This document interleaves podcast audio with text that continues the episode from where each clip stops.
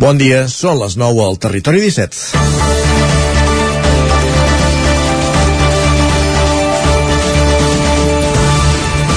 La meitat del Vallès Oriental i una dada un pèl inferior a Osona i al Ripollès. Parlem de la reducció d'oficines bancàries respecte ara fa 20 anys a les nostres comarques. L'últim cas us l'explicàvem la setmana passada a Sant Joan de les Abadesses, on s'estan recollint signatures en contra del tancament de l'oficina del BBVA, però el degoteig és notori de l'estiu cap aquí. N'han desaparegut dues a Torelló, una a Manlleu i una altra a Vic. Ara bé, on la manca de serveis bancaris és més evident és als petits pobles de les zones més apartades dels grans nuclis de població. Aquí ja no hi ha ni caixers automàtics. Hi ha alternatives com la que vol adoptar l'Ajuntament de Llanàs, que es planteja pagar un caixer que, a banda de treure diners, permeti fer altres gestions com el pagament de tributs de tributs. El cost per l'Ajuntament és d'entre 600 i 1.000 euros al mes. A la mateixa línia, la Diputació de Barcelona contempla destinar entre un milió i un milió i mig d'euros a partir del 2022 a finançar aquest tipus de caixers a les zones rurals. I tornem al cap del carrer. Tornarà a ser l'administració qui assumeixi el cost d'un servei que fins ara anava associat a la cartera bancària. Se'ns torna a enfilar la mosca al nas, però alegria perquè és dilluns, són les 9 i comença el Territori 17 a la sintonia d'Ona Codinenca, la veu de Sant Joan, Ràdio Cardedeu, Ràdio Vic, el 9 FM i el 9 TV. Territori 17, amb Isaac Moreno i Jordi Sunyer.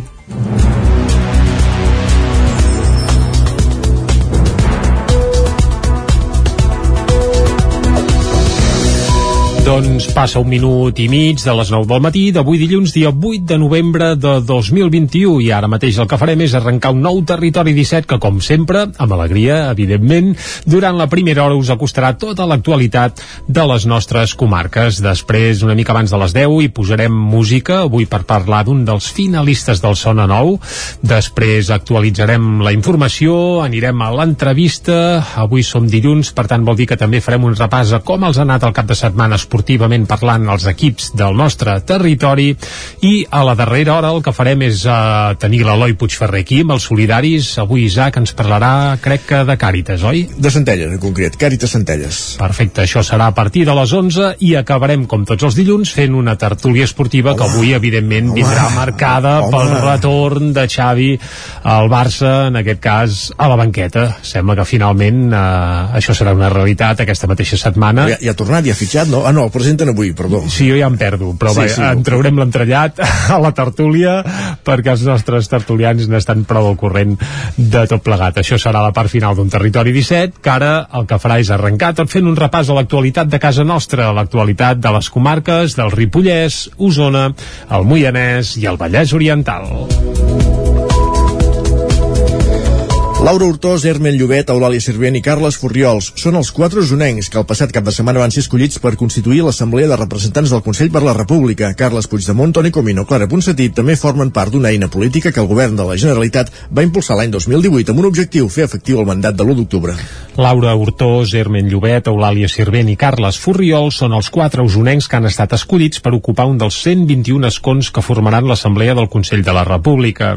Els dos primers, Hurtós i Llobet, són regidors regidors, respectivament, a Santa Eugènia de Berga i a Sant Pere de Torelló, i van ser escollits en l'urna de càrrecs electes on es podien votar persones vinculades amb la política municipal. Els escoltem a tots dos fons al final que em va fer decidir va ser el compromís el compromís amb la meva gent, amb la gent de Santa Eugènia, amb el meu Consell local i la responsabilitat i coherència de dir sempre estem dient que el que cal és que la gent s'impliqui i tirar endavant doncs si tu sempre ho dius dels altres, doncs et toca fer-ho i aquest va ser el meu pas endavant. Crec que des d'aquest àmbit local institucional, molt connectat amb el territori, amb el país, eh, amb els nostres conciutadans, doncs podem aportar una visió positiva a construir la república des del Consell.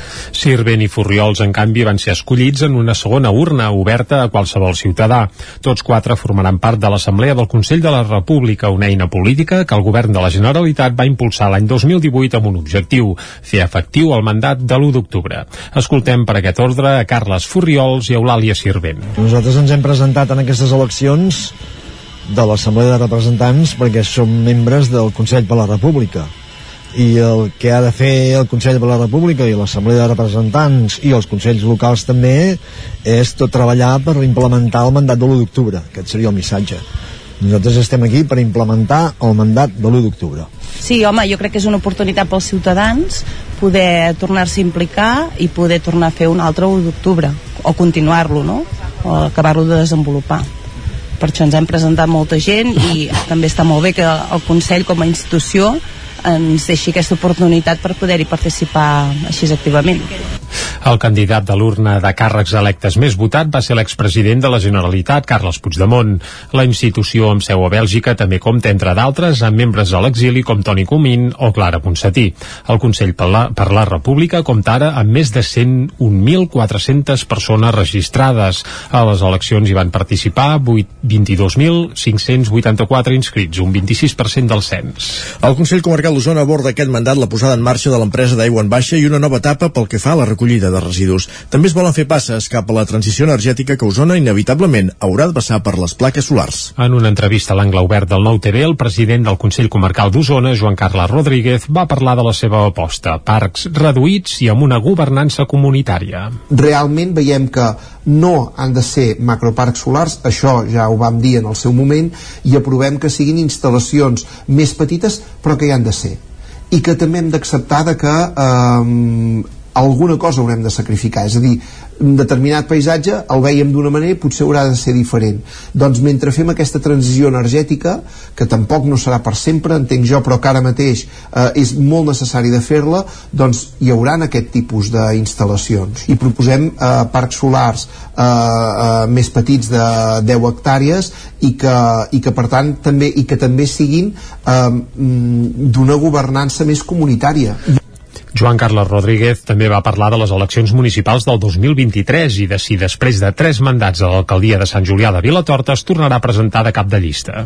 Jo ganes en tinc sempre i per mi eh, ser alcalde de l'Ajuntament i president del Consell Comarcal la veritat és que és tot un honor sobretot per tot el que podem anar desenvolupant mm, també és veritat que, eh, que ja és el meu tercer mandat i per tant doncs, tot s'ha de posar en una balança i penso que, que caldrà una, una reflexió de grup que en el seu moment eh, segur que, que, que farem.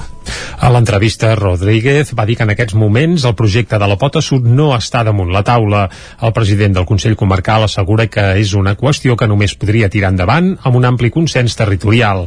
Ara per ara, però, assegura que a l'agenda comarcal hi ha temes molt més importants. Camprodon apuja la majoria de les ordenances fiscals un 3,7% segons l'IPC, però congela les taxes de la llar d'infants o de la, del subministrament de l'aigua. Isaac Muntades des de la veu de Sant Joan.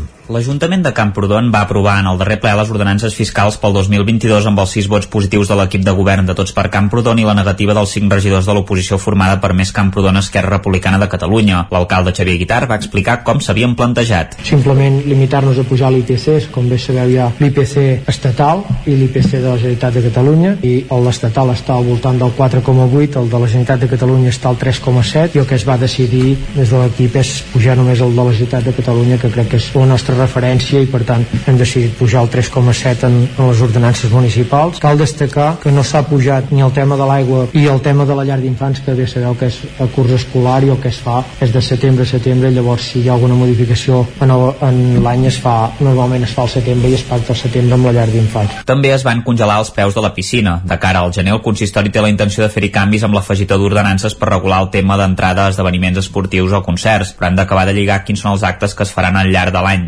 Esquerra no veia adequada aquesta puja. Així va argumentar-ho Xavier Juncà. Que nosaltres ens esperàvem, la veritat és que les ordenances congelades, perquè bé, la situació és molt complicada, estem sortint de Covid, però encara no hem sortit del tot i, i bé, sabeu que el preu de la llum està molt cara, hi ha problemes amb matèries primes en segons quins negocis o quins, o quines compres, això encareix les compres, en fi, la vida del ciutadà i per tant la vida del compradonís s'ha complicat molt. Esperàvem que des de l'Ajuntament hi hagués un cop de mà. A més, va recordar que si bé l'any anterior s'havien congelat, fa dos es va pujar la taxa de recollida d'escombraries i l'IBI. El republicà va dir que estaven poc treballades i que l'augment del 3,7% era a tot arreu, com per exemple per posar un anunci per la festa major, que valia 30 euros i ara en costarà 31. A Esquerra li semblava bé la congelació d'algunes ordenances com la de la piscina, però va reiterar que és un equipament que no l'utilitza tothom i si s'hagués congelat l'IBI o la taxa d'escombraria se n'hauria beneficiat tot el poble. Guitar va comentar-li que l'any passat s'havia pujat molt el preu de la piscina perquè era de les més econòmiques del Ripollès i volien equiparar-la a la resta. Juncà també va preguntar per què l'ordenança d'aprofitament de vol del sol i el subsol, que afavoreix a les grans empreses de telefonia elèctriques, es mantenia igual. En aquest cas, l'Ajuntament no pot regular-la per llei, tot i que li agradaria. El ple també va servir perquè Maria Casadesús de Tots per Camprodon, número 7 de la llista, prengués possessió del càrrec per imperatiu legal després de la renúncia de Berta Sunyer. La tercera edició del Passi per Caixa impulsarà l'activitat de la restauració d'Osona una, un dels sectors més afectats per la crisi de la Covid-19. Aquesta iniciativa va començar l'any passat amb un programa de ràdio a les emissores locals i amb difusió a través de les xarxes socials de productes particulars. Ara l'han volgut fer més extensiva i centrar-se en la restauració. Per això crearan 600 vals de descomptes de 10 euros que podran bescanviar en una vintena de restaurants. Per intentar reactivar l'activitat de la restauració, els ajuntaments del Cabrerès, el Voltreganès, Roda, Masies i Manlleu dedicaran la tercera edició del Passi per Caixa a aquest sector, un dels més afectats per la crisi de la Covid-19 ho faran a través de 600 vals de descompte de 10 euros que es podran bescanviar en una vintena de restaurants d'Osona. La campanya, que es finança amb una aportació de 14.000 euros de la Diputació de Barcelona. Sentim per aquest ordre a Eudal Sallarès, regidor de Promoció Econòmica de Manlleu, i Àlex Muntanyà, alcalde de l'Esquirol. Malgrat sí que s'han flexibilitzat moltes de les restriccions, eh, són sectors que a hores d'ara encara doncs, pateixen doncs, eh, expedients de, de regulació de, de, de treball, eh, EROs, com sabeu, vam arribar a la conclusió que el que havíem de fer era eh, ajudar que la gent tornés eh, a, aquests, eh, a aquests restaurants. Una campanya que afavoreix eh, la proximitat, afavoreix eh, la restauració i, evidentment, va enfocada a que tots aquells visitants, turistes, veïns i veïnes d'aquests pobles eh, puguin, puguin gaudir d'aquesta gastronomia que tenim aquí a, al Voltragonès, repeteixo, al Coll Cabra, a Manlleu, a Ter i, i, i Masies. La petjada de la Covid-19 no només ha tingut repercussions a nivell laboral en el sector, també han vist com ha canviat el perfil de clients. Ara, amb el passi per caixa, esperen que molts usonencs redescobreixin la restauració de la comarca.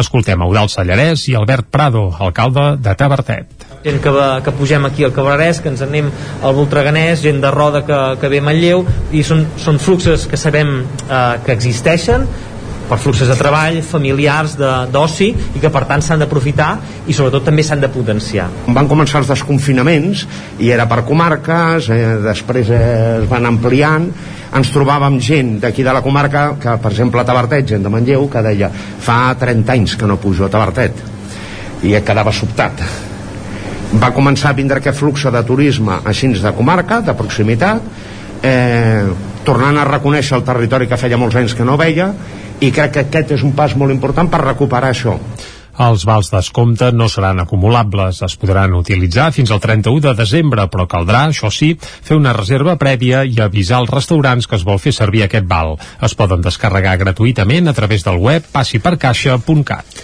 El Moianès enceta la temporada de fires locals de Sant Quirze de Safagi amb un augment de parades i visitants. Jordi Givert, des d'Ona Codinenca. Amb l'arribada del fred, els pobles del Moianès comencen la temporada de fires populars, que s'allargarà fins l'arribada del Nadal. Cada poble dona el seu propi accent a la trobada i Sant Quirze de Safaja sol ser la més primerenca i aquest any han canviat l'espai al recuperar la fira després de la pandèmia. Sandra Guado és la regidora de Cultura de Sant Quirze de Safaja. Pues la veritat és que molt positiva perquè els firaires estan molt contents, molt oberts de vindre. Aquest any hi ha moltes parades i de fet hem canviat l'ubicació, que cada any ho fèiem a, a lo que és el centre del poble, a, al costat de la plaça de l'Església, i aquest any ho fem tot al Parc de l'Aigua, pel tema Covid per, mm. per suposat, i perquè hi ha molt més espai i al haver-hi tantes paradetes aquest any doncs hem decidit fer-ho en aquesta zona tan preciosa que tenim de Sant Quirze. El dinar de tapes i el concert de les moianeses La Rateta ja no escombrava l'escaleta han tancat una fira de tardor de Sant Quirze de Safaja renovada. El creixement Anem a la pàgina esportiva. Esports. El creixement de jugadors del Club Voleibol Tradell ha estat un fet des de la seva fundació. L'entitat compta amb unes 90 fitxes de jugadors i jugadores i, aquest, i aquesta temporada el club compta amb l'únic equip masculí que hi ha a tota la comarca d'Osona. La bona feina feta els darrers temps ha donat l'oportunitat al Club Voleibol Taradell de crear un infantil masculí per aquesta temporada. Una gran notícia pel club. De fet, aquest és l'únic equip que té eh, conjunt masculí de voleibol a tota la comarca d'Osona. Més enllà del resultat resultat, sembla que la iniciativa ha quallat i, de fet, compten ara mateix amb un total de 14 fitxes, un número significatiu tenint en compte que la temporada passada només 4 dels nens de l'equip competien ja en un dels equips alevins mixtes del mateix club voleibol Taradell. L'Aran i en Pol són membres de l'equip. La Bruna Herrero és l'entrenadora. Els escoltem a tots tres. Uh, jo penso que va tot molt bé. Jo, sincerament, m'ho passo molt bé tant als entrenos com als partits. Que es vagin animant els nens i que s'hagin anat apuntant és molt guai perquè vaig començar com a jugadora i ara ampliar-ho a, a també entrenar a altra gent dona molta satisfacció per poder passar uh, l'amor que tens tu cap a un esport a altra gent i que el puguin viure com tu el vius. El missatge és molt clar per part del club. Bruna Herrero. Els resultats ja vindran quan toquin, però primer s'ha d'aprendre a jugar a bola i jugar amb equip i aprendre del nou esport que més d'un és el primer any que juguen. De moment els cal desplaçar-se fora de la comarca per jugar els partits, però això no és cap hàndicap per seguir gaudint d'aquest esport. Amb les 14 fitxes masculines, el club ja compta amb gairebé una norantena de jugadors que necessitarien de més hores de pavelló per formar-se en millors condicions. Ells, per exemple, entrenen al gimnàs de l'Institut. Adrià Vila és el coordinador del Club Voleibol Taradell. Tenim cada cop més equips, eh, poques hores de pavelló, bueno, clar, tot, tot és difícil d'anar encabint tot i, i bueno, entrenem aquí a l'institut. Que la pista no és, no és reglamentària però bueno, en, per treballar segons quins aspectes de joc doncs també ens funciona el club de Taradell no descarta crear un segon equip masculí si més nois s'animen a jugar a voleibol en un futur. Aquest diumenge s'ha celebrat a Cardedeu la quarta edició de la cursa solidària. Aquest any els beneficis han anat destinats a Stop Mare Nostrum, a Stop Mare Mortum, perdó. Núria Lázaro, de Ràdio Televisió de Cardedeu. Després de tres edicions, la cursa solidària de Cardedeu ha afegit una mitja marató als recorreguts que es podien escollir per sumar quilòmetres per la ONG Stop Mare Mortum. L'any passat no es va poder celebrar la cursa cursa, així que per aquest any han inclòs aquesta mitja de 21 quilòmetres cronometrada i una passejada solidària de 8 sense cronometrar. Tots els beneficis aniran per l'ONG Stop Mare Mortum. Aina Burgell, membre de l'ONG. Stop Mare Mortum és una plataforma ciutadana que va néixer l'any 2015 i el que reclamem són vies legals i segures d'accés a territori europeu. És a dir, que les canviïn les lleis a Europa per tal que la gent pugui emprendre un procés migratori, arribar aquí sense haver-se de jugar la vida al mar o on sigui. El nombre de corredors aquest any ha baixat respecte a edicions anteriors, però des de l'organització estan contents amb el bon resultat i esperant la cinquena edició l'any vinent. Gràcies, Núria. Acabem aquí aquest repàs informatiu que obríem a les 9 del matí en companyia d'Isaac Muntades, Jordi Givert, Núria Lázaro i Jordi Sunyer des de les redaccions de les emissores que fem possible cada dia al Territori 17. Tot seguit, anem a conèixer la previsió meteorològica de les properes hores.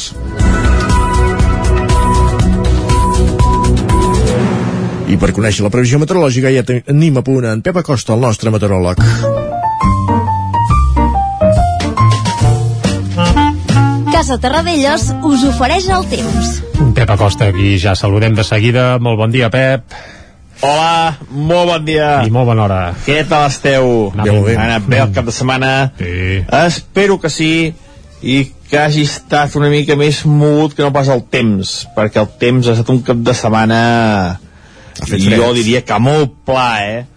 Um, pensava que hi havia més moviment meteorològic Uh, potser ahir diumenge esperava més coses, uh, bueno, molt, molt poc moviment, un cap de setmana ja deia molt pla, uh, no, no, no hi ha canvis, no, no plou de manera important, mm, estem en una situació molt preocupant, eh? Jo a estar una mica preocupat perquè és que no hi ha manera, no, no, no hi ha canvis importants, Uh, va fer mica de fred a les nits, uh, els dies molt suaus, i el més destacable, per dir una cosa, uh, pues el vent, uh, aquest vent de nord que va bufar moderat fort uh, als cims del Pirineu, uh, també cap a Montseny, però bueno, és que és l'únic que havia de destacar, eh? Molt poca cosa més. I destacar que aquesta nit les temperatures mínimes han pujat, no ha estat una nit tan freda, i els migdia suaus eh, no, no ha fet molt de fred el sol si estava molt bé els migdies uh, on no tocava el sol sí que feia mica de fred però, però és que no, no tampoc ha estat un cap de setmana fred als migdies, eh? ja dic un cap de setmana molt molt pla i és que la situació continuarà igual és que no, no, no hi ha canvis uh, molt poca cosa avui com deia el més destacable és la pujada de temperatures mínimes. Uh, de dia continuar cada mina assolellat. Amb alguna nuvolada al Pirineu, que queixava una nuvolada, però molt, molt poca cosa, no, no, no es preveuen canvis importants. Uh, hi ha una perturbació que sí que, perdó, hi ha una perturbació que sí que ha estat important a les Balears, amb molt de vent, amb molt onatge, mm, sembla que se'ns acostarà una mica de cada mà i, i dimecres, però tampoc provocarà moltes, moltes pluges. És que no, no, no, no, és el que dic, que no es veu, no es veu cap cosa important a la vista. I van passant els dies, van passant les setmanes i no, no hi ha manera. No, no entenc, no entenc què està passant, però, però bueno, ja, ja ho anem analitzant i aviam què passa.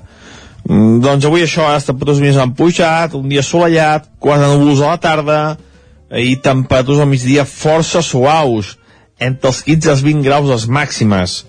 El sol s'hi estarà molt bé com ha estat el, el cap de setmana. I poca cosa més, eh, aviam demà i dimecres, si una mica més, aquesta perturbació dels Balears s'acosta una mica i ens eh, provoca una mica de pluja o una mica més de núvols, veurem què, què acaba passant. Moltíssimes gràcies, adeu, bon dia. Apli, bon dia. Exacte, que vagi bé, Pep. Anem al quiosc. Som-hi, ràpidament. Casa Tarradellas us ha ofert aquest espai. I al quiosc hi anem cada dia a conèixer les portades dels diaris.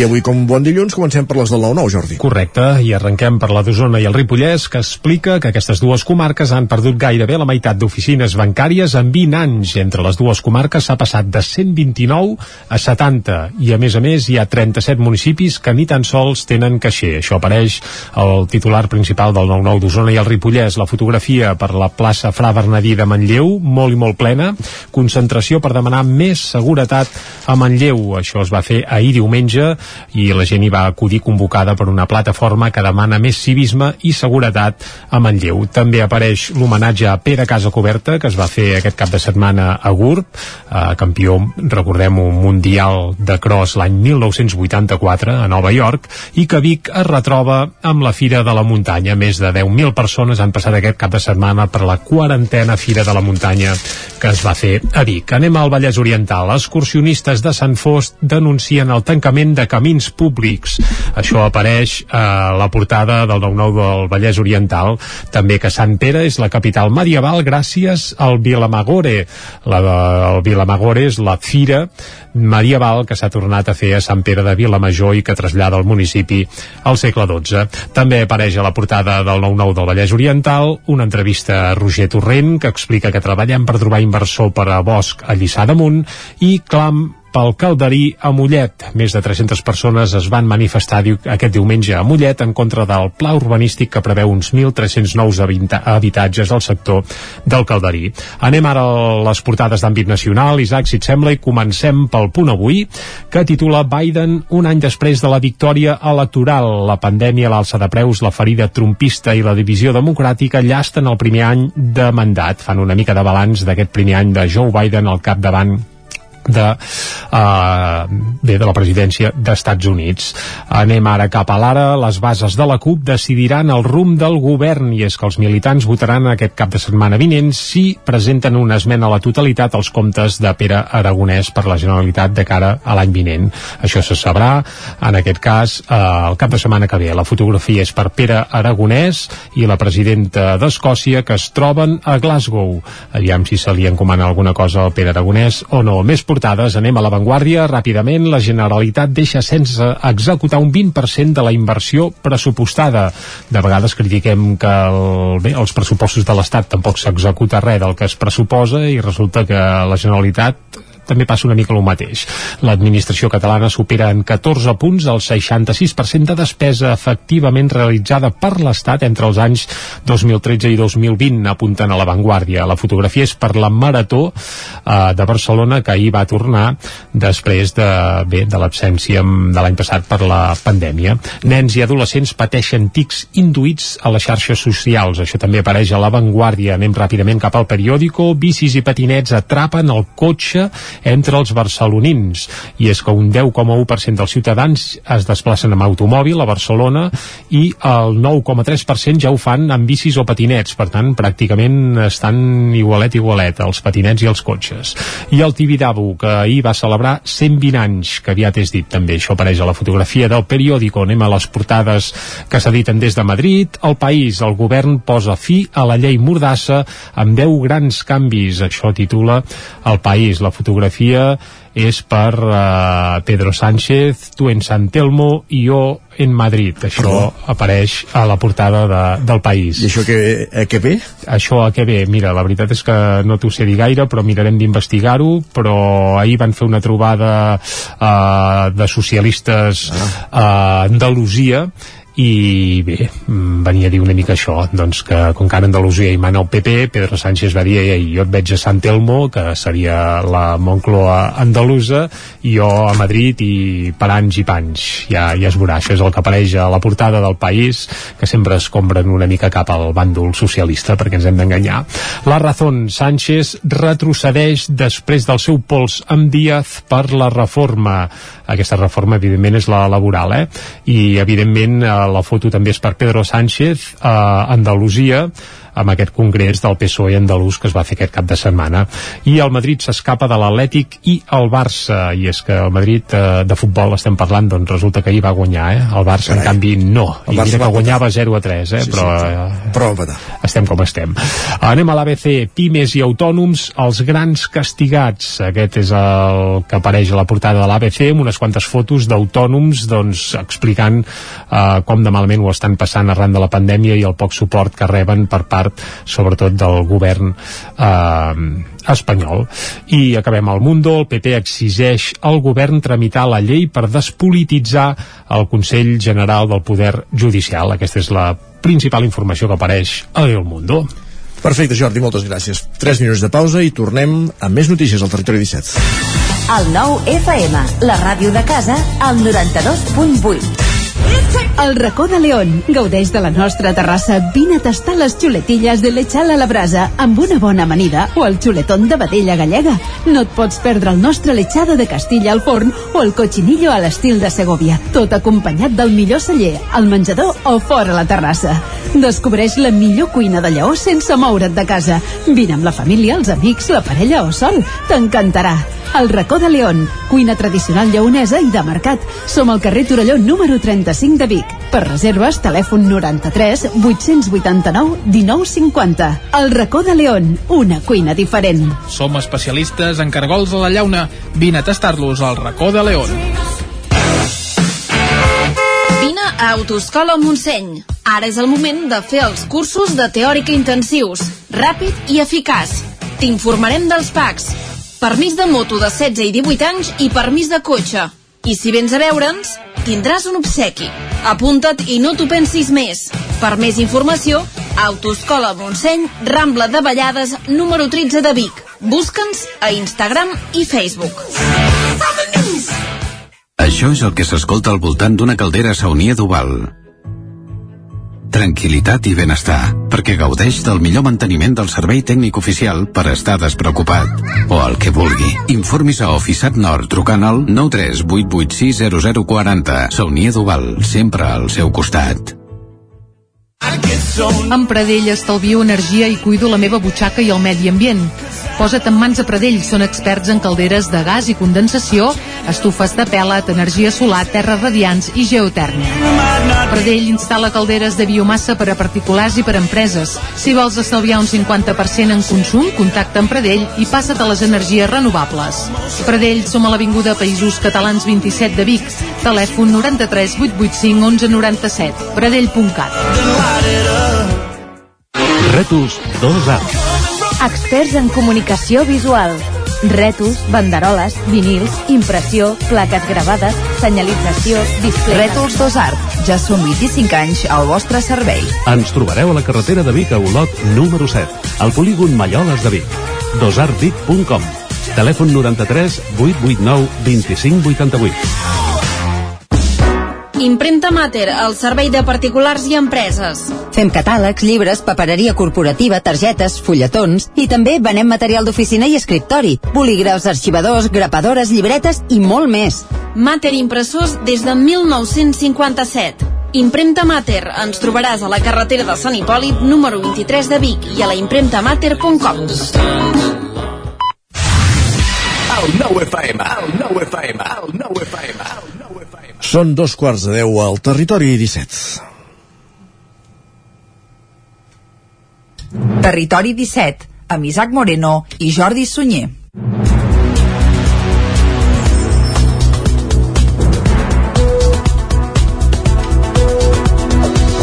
A dos quarts de deu, com sempre, arriba el moment d'actualitzar-nos i posar-nos de nou al dia fent un repàs a l'actualitat de les nostres comarques. Avui que som dilluns, 8 de novembre de 2021. Això sí, us avancem una mica el que tindrem des d'ara mateix i fins al punt de les 12 del migdia. Abans de les 10 hi posarem una mica de música i sabrem qui és el finalista de Territori 17, que serà el proper 17 de novembre a la gran final del Sona Nou, el concurs de pop-rock més prestigiós que es fa ara mateix arreu dels països catalans. I Isaac, és algú de la Vall del Gès, eh? Sí, sí, ja sé qui és, ja. Perfecte, doncs va, d'aquí 20 minuts ho sabrà tothom perquè ho desvetllarem. A partir de les 10, més informació. De fet, ahir a la tarda presentava una pel·lícula a Torelló, ves. Ah, ves per on? Ves. Ostres, doncs això se'n va escapar, eh? Ves. Una pel·lícula? Sí mm, vinculat a la música també totalment, sí, sí. Eh, doncs això ens ho hauràs d'explicar eh? va, més coses també anirem a l'entrevista avui des d'aquí, des del nou FM també repassarem com els ha anat esportivament parlant al cap de setmana els equips del nostre territori, que són dilluns els, els solidaris amb l'Eloi Puigferrer ens portarà fins a Centelles oi Isaac? Correcte, coneixerem l'activitat la, de Càritas Centelles i acabarem, com tots els dilluns amb tertúlia esportiva amb els nostres tertulians habituals, que suposo que ens parlaran de Xavi i, i de la Champions, i de la Lliga, i del Celta, i del 3 a 3. I del Real Societat, que és el líder sí, no, de, ferm de fa uns quants dies. Ja anem eh? parlant de tant en tant, sí, sí. Uh, bé, també està bé, és, és ben curiós. Això serà per això la part final d'un programa que ara el que ha de fer és actualitzar de nou la informació de casa nostra. Per tant, us acostem de nou l'actualitat de les comarques del Ripollès, Osona, el Moianès i el Vallès Oriental. Laura Hurtós, Hermen Llobet, Eulàlia Sirvent i Carles Furriols són els quatre usonencs que el passat cap de setmana van ser escollits per constituir l'Assemblea de Representants del Consell per la República. Carles Puigdemont, Toni Comino, Clara Ponsatí també formen part d'una eina política que el govern de la Generalitat va impulsar l'any 2018 amb un objectiu, fer efectiu el mandat de l'1 d'octubre. Laura Hurtós, Hermen Llobet, Eulàlia Sirvent i Carles Furriols són els quatre usonencs que han estat escollits per ocupar un dels 121 escons que formaran l'Assemblea del Consell de la República. Els dos primers, Hurtós i Llobet, són regidors respectivament a Santa Eugènia de Berga i a Sant Pere de Torelló i van ser escollits en l'urna de càrrecs electes on es podien votar persones vinculades amb la política municipal. Els escoltem a tots dos fons, al final que em va fer decidir va ser el compromís. El compromís amb la meva gent, amb la gent de Santa Eugènia, amb el meu Consell local i la responsabilitat i coherència de dir sempre estem dient que el que cal és que la gent s'impliqui i tirar endavant doncs si tu sempre ho dius dels altres, doncs et toca fer-ho i aquest va ser el meu pas endavant. Crec que des d'aquest àmbit local institucional, molt connectat amb el territori, amb el país, eh, amb els nostres conciutadans, doncs podem aportar una visió positiva a construir la república des del Consell. Sirvent i Furriols, en canvi, van ser escollits en una segona urna oberta a qualsevol ciutadà. Tots quatre formaran part de l'Assemblea del Consell de la República, una eina política que el govern de la Generalitat va impulsar l'any 2018 amb un objectiu, fer efectiu el mandat de l'1 d'octubre. Escoltem per aquest ordre a Carles Furriols i Eulàlia Sirvent. Nosaltres ens hem presentat en aquestes eleccions de l'Assemblea de Representants perquè som membres del Consell per la República i el que ha de fer el Consell per la República i l'Assemblea de Representants i els Consells locals també és tot treballar per implementar el mandat de l'1 d'octubre aquest seria el missatge Nosaltres estem aquí per implementar el mandat de l'1 d'octubre. Sí, home, jo crec que és una oportunitat pels ciutadans poder tornar-se a implicar i poder tornar a fer un altre 1 d'octubre, o continuar-lo, no? O acabar-lo de desenvolupar per això ens hem presentat molta gent i també està molt bé que el Consell com a institució ens deixi aquesta oportunitat per poder-hi participar així activament. El candidat de l'urna de càrrecs electes més votat va ser l'expresident de la Generalitat, Carles Puigdemont. La institució amb seu a Bèlgica també compta, entre d'altres, amb membres a l'exili com Toni Comín o Clara Ponsatí. El Consell per la, per la República compta ara amb més de 101.400 persones registrades. A les eleccions hi van participar 22.584 inscrits, un 26% del cens. El Consell Comarcal d'Osona aborda aquest mandat la posada en marxa de l'empresa d'aigua en baixa i una nova etapa pel que fa a la recollida de residus. També es volen fer passes cap a la transició energètica que Osona inevitablement haurà de passar per les plaques solars. En una entrevista a l'angle obert del Nou TV, el president del Consell Comarcal d'Osona, Joan Carles Rodríguez, va parlar de la seva aposta. Parcs reduïts i amb una governança comunitària. Realment veiem que no han de ser macroparcs solars, això ja ho vam dir en el seu moment, i aprovem que siguin instal·lacions més petites però que hi han de ser. I que també hem d'acceptar que eh, alguna cosa haurem de sacrificar. És a dir, un determinat paisatge el veiem d'una manera i potser haurà de ser diferent. Doncs mentre fem aquesta transició energètica que tampoc no serà per sempre entenc jo però que ara mateix eh, és molt necessari de fer-la doncs hi haurà aquest tipus d'instal·lacions. I proposem eh, parcs solars eh, eh, més petits de 10 hectàrees i que, i que per tant també i que també siguin eh, d'una governança més comunitària Joan Carles Rodríguez també va parlar de les eleccions municipals del 2023 i de si després de tres mandats a l'alcaldia de Sant Julià de Vilatorta es tornarà a presentar de cap de llista. Jo ganes en tinc sempre. I per mi eh, ser alcalde de l'Ajuntament i president del Consell Comarcal la veritat és que és tot un honor sobretot per tot el que podem anar desenvolupant. Mm, també és veritat que, eh, que ja és el meu tercer mandat i per tant doncs tot s'ha de posar en una balança i penso que, que caldrà una, una reflexió de grup que en el seu moment eh, segur que, que, que farem a l'entrevista, Rodríguez va dir que en aquests moments el projecte de la Pota Sud no està damunt la taula. El president del Consell Comarcal assegura que és una qüestió que només podria tirar endavant amb un ampli consens territorial. Ara per ara, però, assegura que a l'agenda comarcal hi ha temes molt més importants. Camprodon apuja la majoria de les ordenances fiscals un 3,7% segons l'IPC, però congela les taxes de la llar d'infants o de la, del subministrament de l'aigua. Isaac, muntades des de la veu de Sant Joan.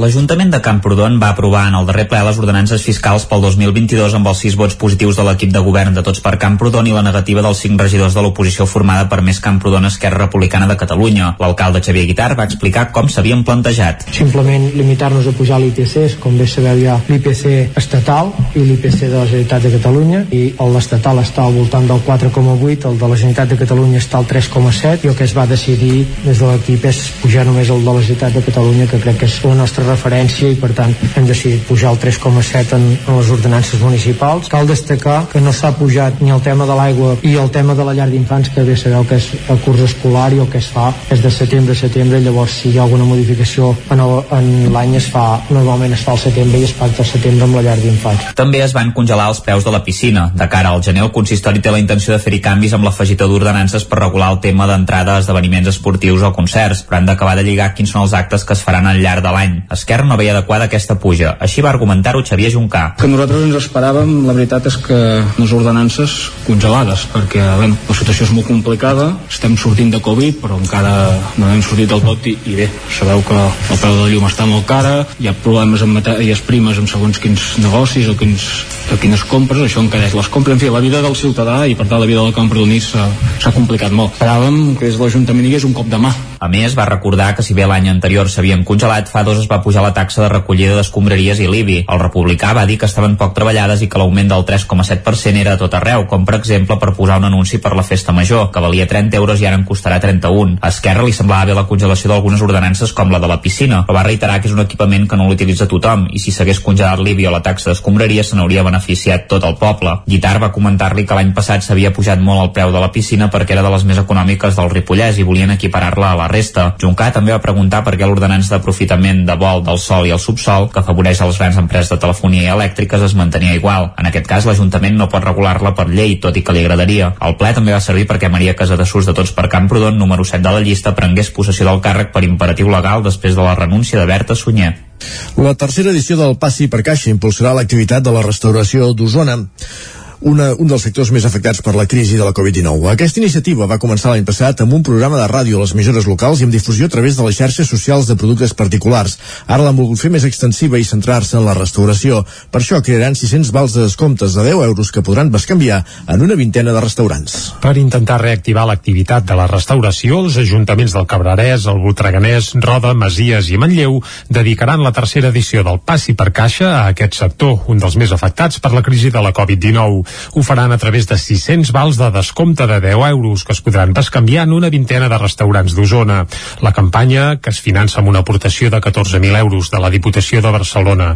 Sentim per aquest ordre a Eudal Sallarès, regidor de Promoció Econòmica de Manlleu, i Àlex Muntanyà, alcalde de l'Esquirol. Malgrat sí que s'han flexibilitzat moltes de les restriccions, eh, són sectors que a hores d'ara encara doncs, pateixen doncs, eh, expedients de, de regulació de, de, de treball, eh, EROs, com sabeu, vam arribar a la conclusió que el que havíem de fer era eh, ajudar que la gent tornés eh, a, aquests, eh, a aquests restaurants. Una campanya que afavoreix eh, la proximitat, afavoreix eh, la restauració i, evidentment, va enfocada a que tots aquells visitants, turistes, veïns i veïnes d'aquests pobles eh, puguin, puguin gaudir d'aquesta gastronomia que tenim aquí a, al Voltragonès, repeteixo, al Coll de Cabra, a Manlleu, a Roda de Ter i, i, i Masies.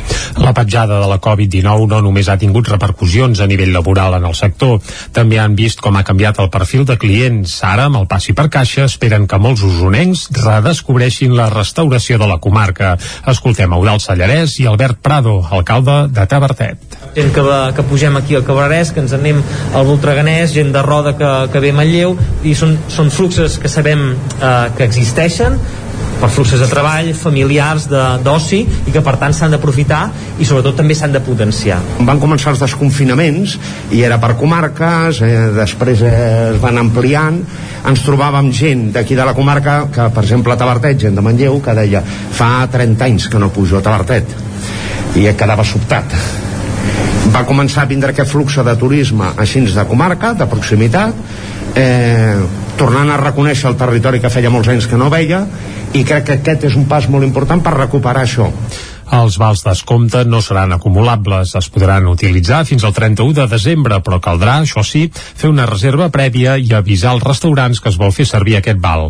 Es poden descarregar gratuïtament a través del web passipercaixa.cat. El Moianès enceta la temporada de fires locals de Sant Quirze de Safage amb un augment de parades i visitants.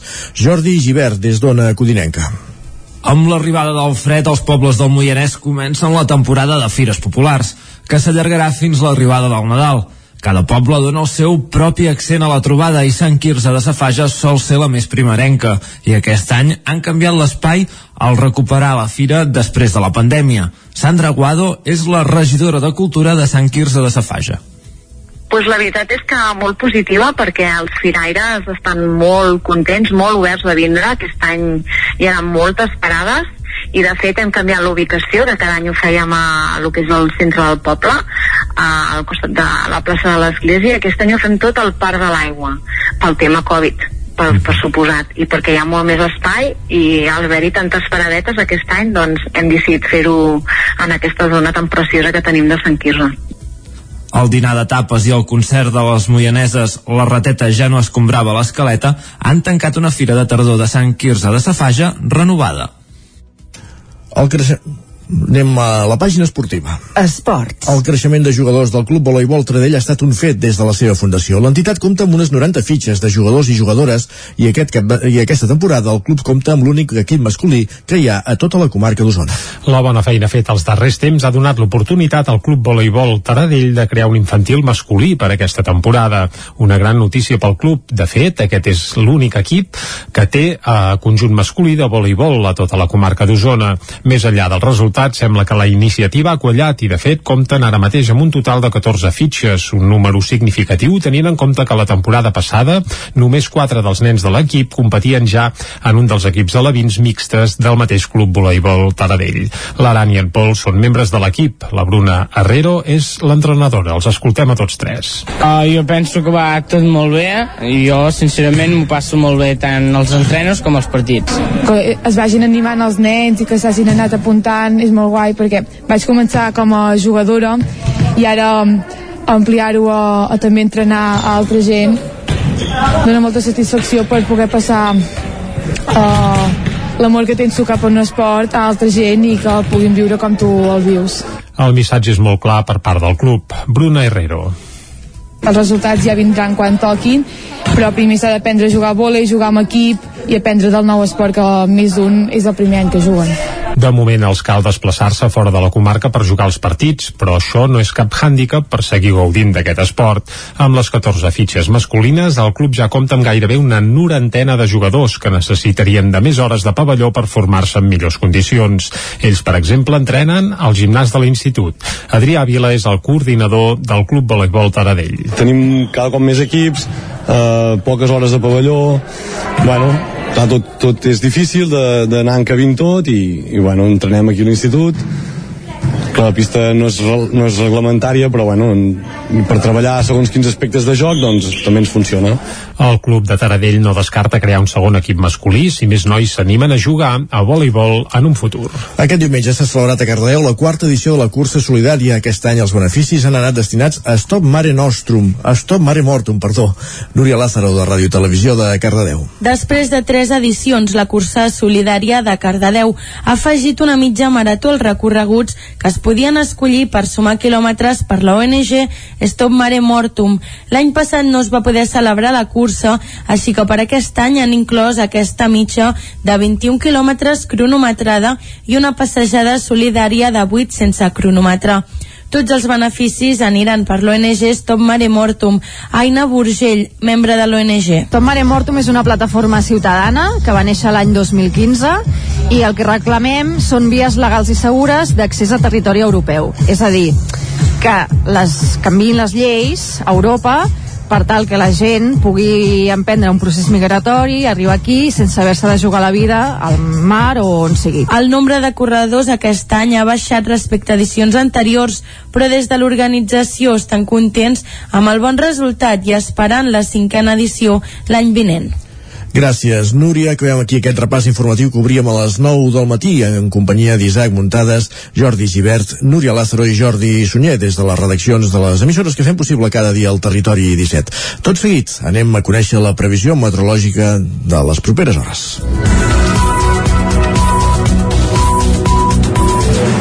I per conèixer la previsió meteorològica ja tenim a punt en Pep Acosta, el nostre meteoròleg.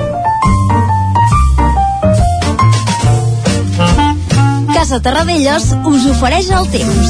Pep Acosta, aquí ja saludem de seguida. Molt bon dia, Pep. Hola, molt bon dia. I molt bona hora. Què tal esteu? Anat molt bé. Ha anat bé el cap de setmana? Sí. Espero que sí i que hagi estat una mica més mogut que no pas el temps, perquè el temps ha estat un cap de setmana jo diria que molt pla, eh? Um, pensava que hi havia més moviment meteorològic uh, potser ahir diumenge m'esperava més coses uh, bueno, molt molt poc moviment un cap de setmana ja deia molt pla uh, no, no no hi ha canvis no, no plou de manera important mm, estem en una situació molt preocupant eh? jo quan estava una mica preocupat perquè és que no hi ha manera no, no, no hi ha canvis importants uh, va fer mica de fred a les nits uh, els dies molt suaus i el més destacable per dir una cosa uh, pues el vent uh, aquest vent de nord que va bufar moderat fort uh, als cims del Pirineu uh, també cap a Montseny però bueno, és que és l'únic que havia de destacar eh? molt poca cosa més i destacar que aquesta nit les temperatures mínimes han pujat no ha estat una nit tan freda i els migdia suaus eh, no, no ha fet molt de fred el sol s'hi està molt bé els migdies uh, on no tocava el sol sí que feia mica de fred però, però és que no, no tampoc ha estat un cap de setmana fred als migdies, eh? ja dic un cap de setmana molt molt pla i és que la situació continuarà igual és que no, no, no hi ha canvis uh, molt poca cosa avui com deia el més destacable és la pujada de temperatures mínimes. Uh, de dia continuar quedant assolellat. Amb alguna nuvolada al Pirineu, que creixerà una nuvolada, però molt, molt poca cosa, no, no, no es preveuen canvis importants. Uh, hi ha una perturbació que sí que, perdó, hi ha una perturbació que sí que ha estat important a les Illes Balears, amb molt de vent, amb molt onatge, mm, sembla que se'ns acostarà una mica de cada mà i, i dimecres, però tampoc provocarà moltes, moltes pluges. És que no, no, no, no, és el que dic, que no es veu, no es veu cap cosa important a la vista. I van passant els dies, van passant les setmanes i no, no hi ha manera. No, no entenc, no entenc què està passant, però, però bueno, ja, ja ho anem analitzant i aviam què passa. Mm, doncs avui això, les temperatures mínimes han pujat, un dia assolellat, quatre núvols a la tarda, i temperatures al migdia força suaus entre els 15 i els 20 graus les màximes. El sol s'hi estarà molt bé com ha estat el, el cap de setmana. I poca cosa més, eh, aviam demà i dimecres, si una mica més, aquesta perturbació dels Balears s'acosta una mica i ens eh, provoca una mica de pluja o una mica més de núvols. Veurem què, què acaba passant. Moltíssimes gràcies, adeu, bon dia. Apa-li, bon dia. Exacte, que vagi bé, Pep. Anem al quiosc. Som-hi, ràpidament. Casa Tarradellas us ha ofert aquest espai. I al quiosc hi anem cada dia a conèixer les portades dels diaris.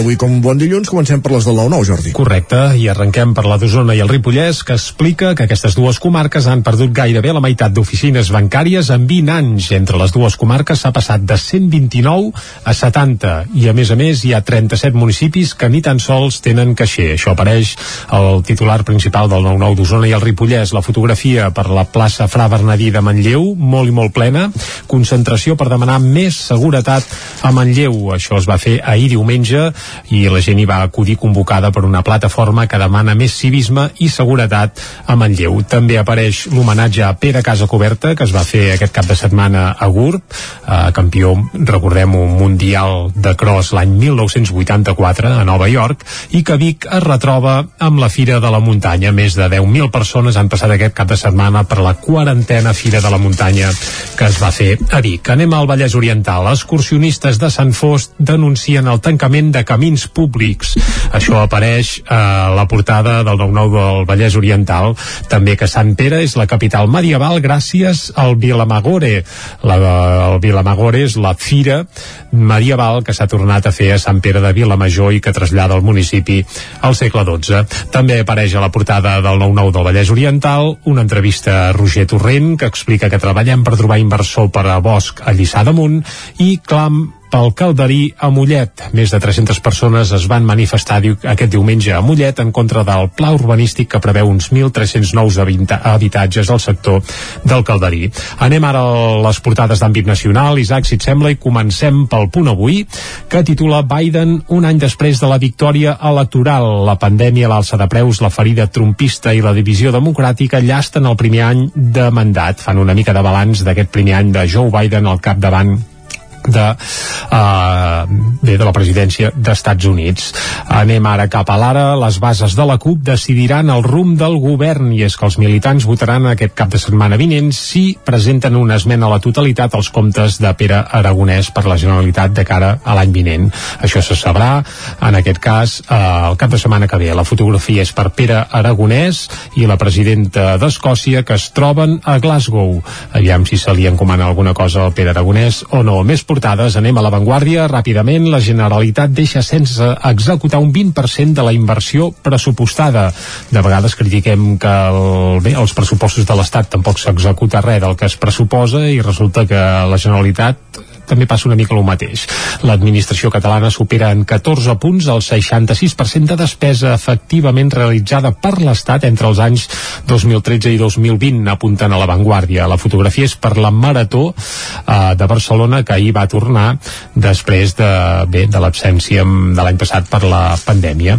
Nens i adolescents pateixen tics induïts a les xarxes socials. Això també apareix a l'avantguàrdia. Anem ràpidament cap al periòdico. Bicis i patinets atrapen el cotxe entre els barcelonins. I és que un 10,1% dels ciutadans es desplacen amb automòbil a Barcelona i el 9,3% ja ho fan amb bicis o patinets. Per tant, pràcticament estan igualet igualet, els patinets i els cotxes.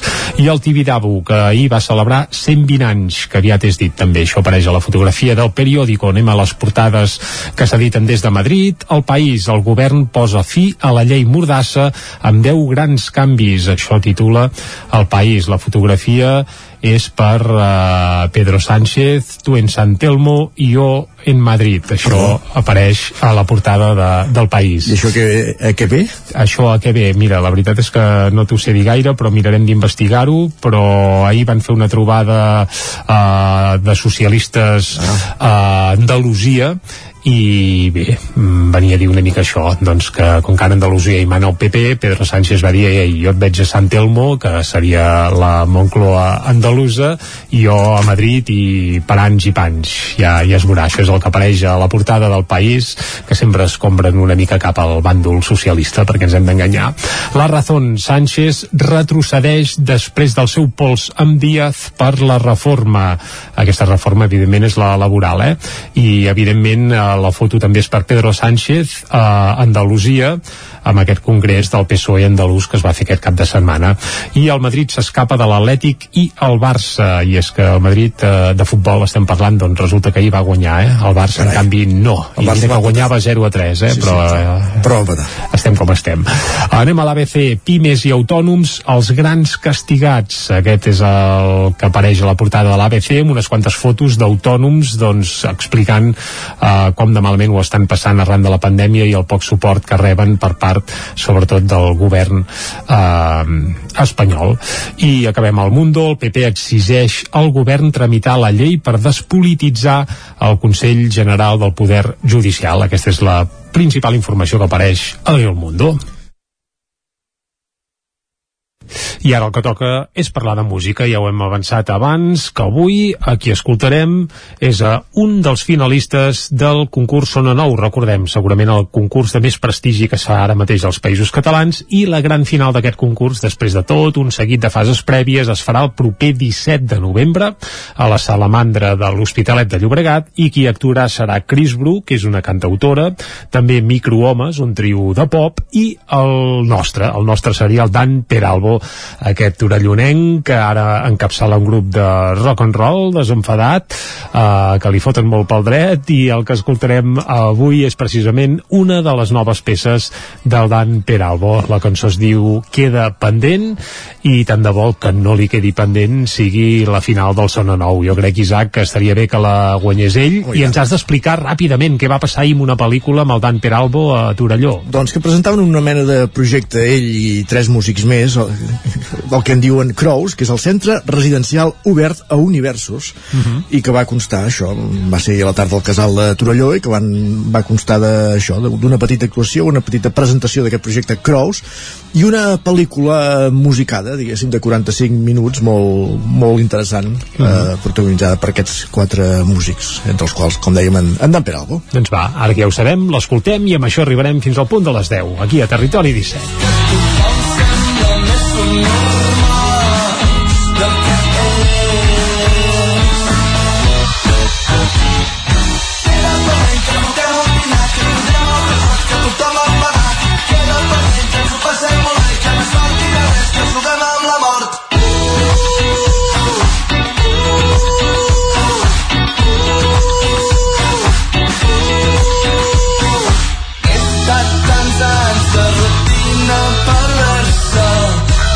for this.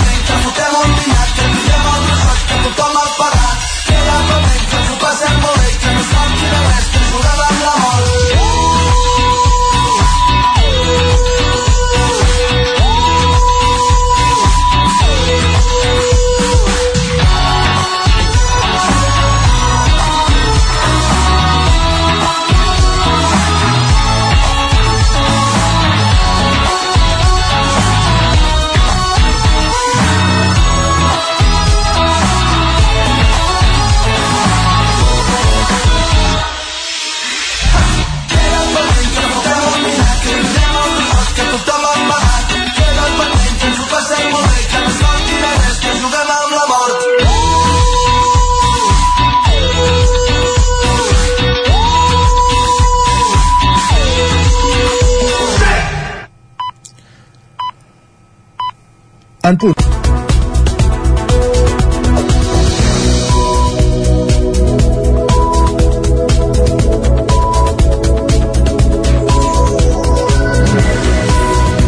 I a aquesta hora, com cada dia, fem un repàs de les notícies més destacades des de les redaccions que cada dia fan possible aquest programa. La veu de Sant Joan, Ràdio Vic, Ona Codinenca, Ràdio Cardedeu, el 9 FM i el 9 Els treballadors del sector carni aturaran l'activitat 8 dies a tot l'estat espanyol. La vaga general, convocada pels sindicats Comissions Obreres i UGT, reclama un avenç en les negociacions del conveni del sector que fa 11 mesos que estan encallades. La vaga, la vaga, volem dir, estaria convocada pels dies 25 i 26 de novembre i del 3 al 8 de desembre. Divendres, Comissions Obreres va convocar els delegats i delegades de totes les empreses que estan sota el paraigües del conveni estatal de les indústries càrnies en una assemblea que es va fer a Olot per explicar-los la situació de les negociacions negociacions, quina és la proposta del sindicat i preparar la vaga. Una reunió que a Vic es produirà, per cert, el proper dia 12 de novembre. Els sindicats, segons expliquen en una nota emesa aquest dijous, troben insuficients les mesures que els proposa la patronal del sector i apunten que la negociació està encallada en aspectes com l'establiment d'un permís retribuït de 8 hores anuals per anar al metge o per acompanyar-hi menors d'edat. Un altre aspecte que provoca tensions és que la jornada màxima diària sigui de 8 hores de treball efectiu. La patronal no s'hi oposa, però manté la seva pretensió d'augmentar de 120 a 170 hores a l'any la borsa d'hores. Vicente Canet és el responsable estatal de negociacions col·lectives de comissions obreres. Para el próximo día 25 y 26 de noviembre, que tendrá una segunda fase en el puente de la Constitución desde el 3 al 8 de diciembre. ¿Qué reivindica Comisiones Obreras? Reivindica salarios justos, ¿eh? con mejora del poder adquisitivo, reivindica una jornada media que hay en todo el Estado español. Estamos superando la jornada máxima que hay de media en el Estado español. Reivindicamos estabilidad en el empleo y reivindicamos también mejoras para poder conciliar. A la vaga hi estan cridats més de 100.000 treballadors de tot l'estat espanyol. El Departament de Salut diu que podrà garantir el servei de metge pediatre 3 dies a la setmana al cap de Sant Feliu de Codines.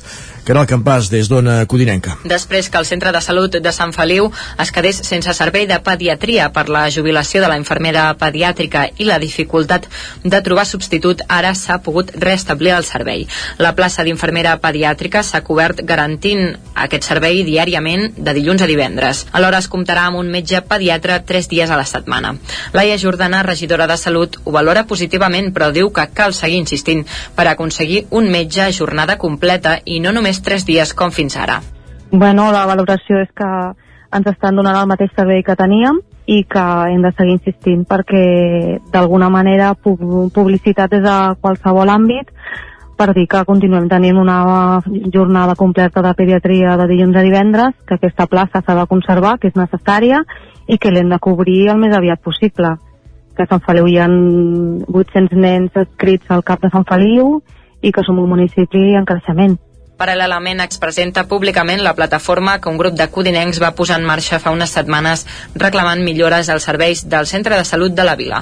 Ripoll tindrà dues rotondes a la ronda del Mas d'en Bosch per reduir els accidents en aquest punt. Isaac Muntades, des de la veu de Sant Joan. Al ple de finals d'octubre de l'Ajuntament de Ripoll, l'alcalde Jordi Monell va confirmar que s'estava a punt de licitar una rotonda a la zona de la recta del Centre de Tecnificació Esportiva de la Vallaneda, anant cap a Sant Joan de les Abadeses. El consistori ripollès va confirmar que, segons els va informar el Departament Departament de Territori de la Generalitat de Catalunya es construiran dues rotondes als accessos del polígon dels Pintors. L'anunci de licitació de les obres de construcció de dues rotondes a la ronda del Mas d'en Bosch a la carretera C26 per part de l'empresa pública Infraestructures.cat es va dur a terme el passat mes de juny. Tot i que el termini de presentació d'ofertes acabava el 6 de setembre, fins a principis de novembre no s'ha comunicat la resolució d'adjudicació. Si tot va segons el previst, hi hauria d'haver adjudicatari abans que s'acabi el 2021. En principi, els treballs haurien de començar durant la primavera del 2022. 2. El projecte contempla la construcció d'una rotonda a l'accés del pavelló a la Vallaneda i la Fundació Eduard Soler. A més, també es vol eliminar el giratori d'encreuament de carrils a l'accés central del mateix polígon. De fet, en aquests punts s'han produït diversos accidents de trànsit en els darrers anys, alguns d'ells amb víctimes mortals. Monell ja havia dit que amb la construcció d'aquestes infraestructures s'evitarien accidents. Ara liciten ja la rotonda de més amunt, la rotonda de la Vallaneda,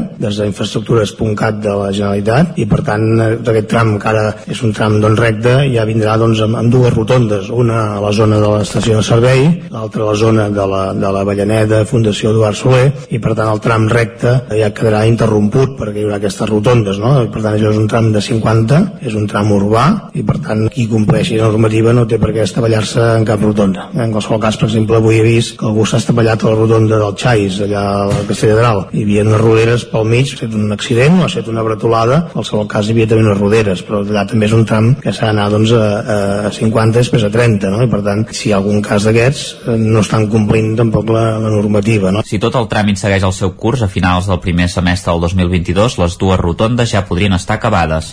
El Consorci Hospitalari de Vic, la Fundació d'Estudis Superiors en Ciències de la Salut, la Fundació Universitària Balmes i Creacció són algunes de les institucions que s'han sumat a les mostres de suport al regidor biguetà Josep Arimany. Després que la setmana passada el primer tinent d'alcalde de l'Ajuntament de Vic, Josep Arimany, acompanyat de tots els grups municipals, tant del govern com de l'oposició, fes una compareixença pública per denunciar una campanya de calúmnies i amenaces contra ell a les xarxes socials, durant els últims dies ha rebut mostres de suport de diverses institucions a les quals està vinculat.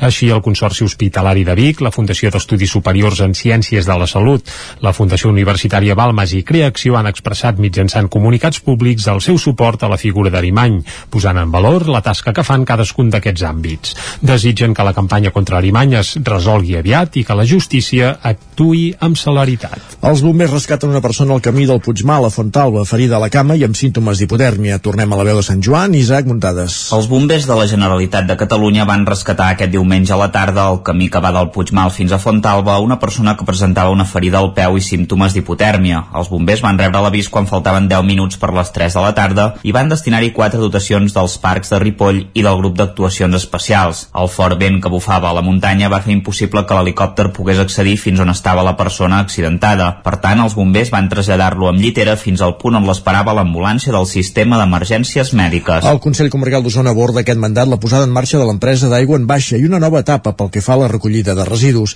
També es volen fer passes cap a la transició energètica que Osona inevitablement haurà de passar per les plaques solars. I tot plegat ho explicava en una entrevista a l'Angle Obert l'alcalde de Sant Julià de Vila Torta i també president del Consell Comarcal d'Osona, Joan Carles Rodríguez. Realment veiem que no han de ser macroparcs solars, això ja ho vam dir en el seu moment, i aprovem que siguin instal·lacions més petites però que hi han de ser. I que també hem d'acceptar que eh, alguna cosa haurem de sacrificar. És a dir, un determinat paisatge el veiem d'una manera i potser haurà de ser diferent. Doncs mentre fem aquesta transició energètica que tampoc no serà per sempre entenc jo però que ara mateix eh, és molt necessari de fer-la doncs hi haurà aquest tipus d'instal·lacions. I proposem eh, parcs solars eh, eh, més petits de 10 hectàrees i que, i que per tant també, i que també siguin eh, d'una governança més comunitària Rodríguez també va parlar de les eleccions municipals del 2023 i de si després de tres mandats a l'alcaldia de Sant Julià es tornaria a presentar com a cap de llista. Jo ganes en tinc sempre i per mi eh, ser alcalde de l'Ajuntament i president del Consell Comarcal la veritat és que és tot un honor sobretot per tot el que podem anar desenvolupant mm, també és veritat que, eh, que ja és el meu tercer mandat i per tant doncs, tot s'ha de posar en una balança i penso que, que caldrà una, una reflexió de grup que en el seu moment eh, segur que, que, que farem. A l'entrevista Rodríguez també va dir que en aquests moments el projecte de la Pota Sud, en aquest cas a la comarca d'Osona, no està damunt de la taula. El president del Consell Comarcal assegura que és una qüestió que només podria tirar endavant amb un ampli consens territorial. Ara per ara, però, assegura que a l'agenda comarcal hi ha temes molt més importants. Aquest mes de novembre tindran lloc els tres sopars a quatre mans que resten per celebrar. Es tracta d'una proposta d'Osona Cuina perquè dos restaurants creïn un menú conjunt i el serveixin en un dels dos establiments. Ja és la tercera edició d'aquesta proposta gastronòmica única que permet mostrar el nivell de cuina que hi ha a la comarca i permet sorprendre també els clients que hi participen. El proper 13 de novembre celebrarà el segon sopar a quatre mans que promou el col·lectiu Osona Cuina, una experiència gastronòmica única amb maridatge per donar a conèixer el potencial social de la cuina de la comarca i crear sinergies entre els components de l'associació. Serà amb la unió dels restaurants Cala Cinta i l'Horta.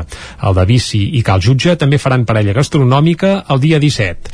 Eduard Aliber, que és el cuiner de Cal Jutge. Tenim pensat tocar algun producte ja sigui de temporada, que més o menys tots dos és el que ens defineix, i llavors també, vulguis o no, doncs, eh, mostrar els nostres plats que, entre cometes, en podem dir com estrella, no? perquè la gent que no hagi provat Cal Jutge i sigui client del, del de bici pues, ho provi i, i també al revés. Doncs. Poder treballar un menú gastronòmic conjunt i posar-lo a prova en un dels dos restaurants que el creen és un repte que els mateixos xefs i cuiners eh, tenen en compte. Escoltem a l'Iberc i a Oriol Sala, xef del Gravat de Vic. És una manera de... Eh, entre tots en, ens ajudem i a part que, que també ajuda molt a fer pinya com a col·lectiu entre nosaltres. Surts de la teva cuina, fas la teva feina, tu passes bé, coneixes a gent diferent llavors també és una manera de, això que deia l'Edu no? de, de gent que són habituals de, del Divignus que provin coses del gravat i al revés. També és un bon moment per, per aprofitar i treballar en productes doncs, que d'empreses col·laboradores amb Osona Cuina L'estrena dels sopars a quatre mans, però, va ser amb la proposta conjunta entre el Gravat i el Divignus, tots dos de Vic. A l'àpat s'hi van poder degustar plats i creacions típiques dels dos establiments. Oriol Sala. És molt divertit, vull dir, no... ens ho vam passar molt bé, la gent va sortir molt contenta, vam omplir i amb ganes de tornar-hi. L'últim dels sopars a quatre mans d'aquesta tardor el protagonitzaran la Font de Sala i l'Arca. I en l'àmbit cultural, cap de setmana de jazz a Cardedeu amb doble concert. Elses i Helena Mas, quartet al Teatre Auditori. Núria Lázaro, de Ràdio Televisió de Cardedeu. Des del 25 de setembre al Museu Arxiu Tomàs Balvei de Cardedeu es pot visitar l'exposició Nits amb Jazz que commemora el 50è aniversari de les Nits amb Jazz celebrades a Cardedeu. Dins del marc de l'exposició s'han celebrat diversos concerts. Aquest dissabte amb l'artista emergent Elses.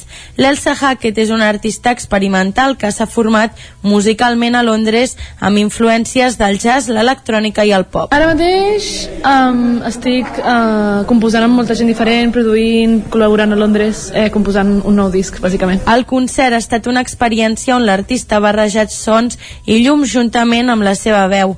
Elsa ja té projectes de futur i està col·laborant amb diversos artistes i productors a Londres. A més, dins de la commemoració de les nits amb jazz a Cardedeu, ahir diumenge l'Helena Mas, filla d'un dels primers músics que va pujar als escenaris de Cardedeu ara fa 50 anys, va fer un concert al Teatre Auditori de Cardedeu.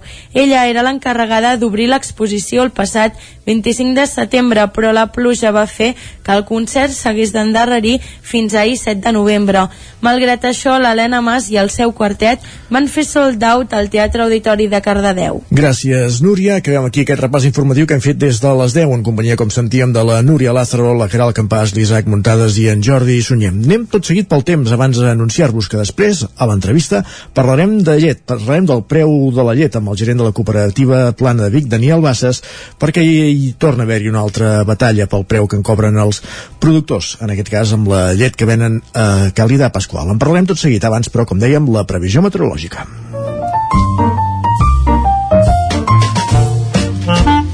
Casa Terradellos us ofereix el temps. I qui ens porta el temps sempre aquí a Territori 17 és en Pep Acosta, qui saludem de nou altra vegada. Bon dia, Pep. Hola, molt bon dia. Molt bona hora. La situació continuarà igual, és que no, no, no hi ha canvis, uh, molt poca cosa. Avui, com deia, el més destacable és la pujada de temperatures mínimes, Uh -huh. uh, de dia continuar quedant ben assolellat, amb alguna nuvolada al Pirineu, que creixerà una nuvolada, però molt, molt poca cosa, no, no, no es preveuen canvis importants.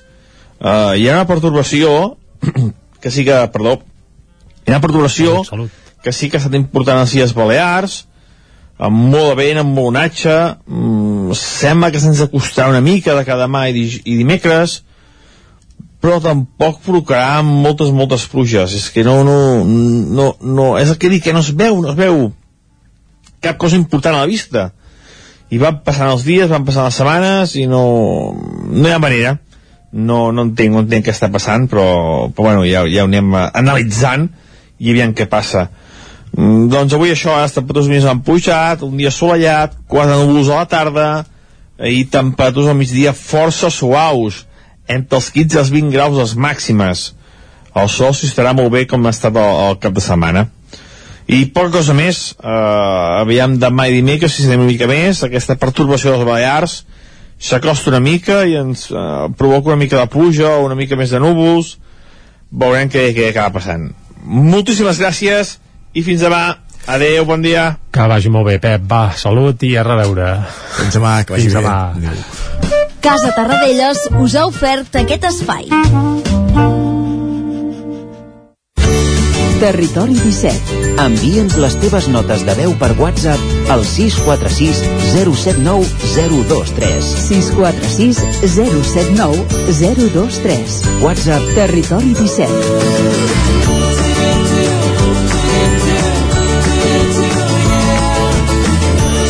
Territori 17. Som a Facebook, Twitter i Instagram amb l'usuari Territori 17.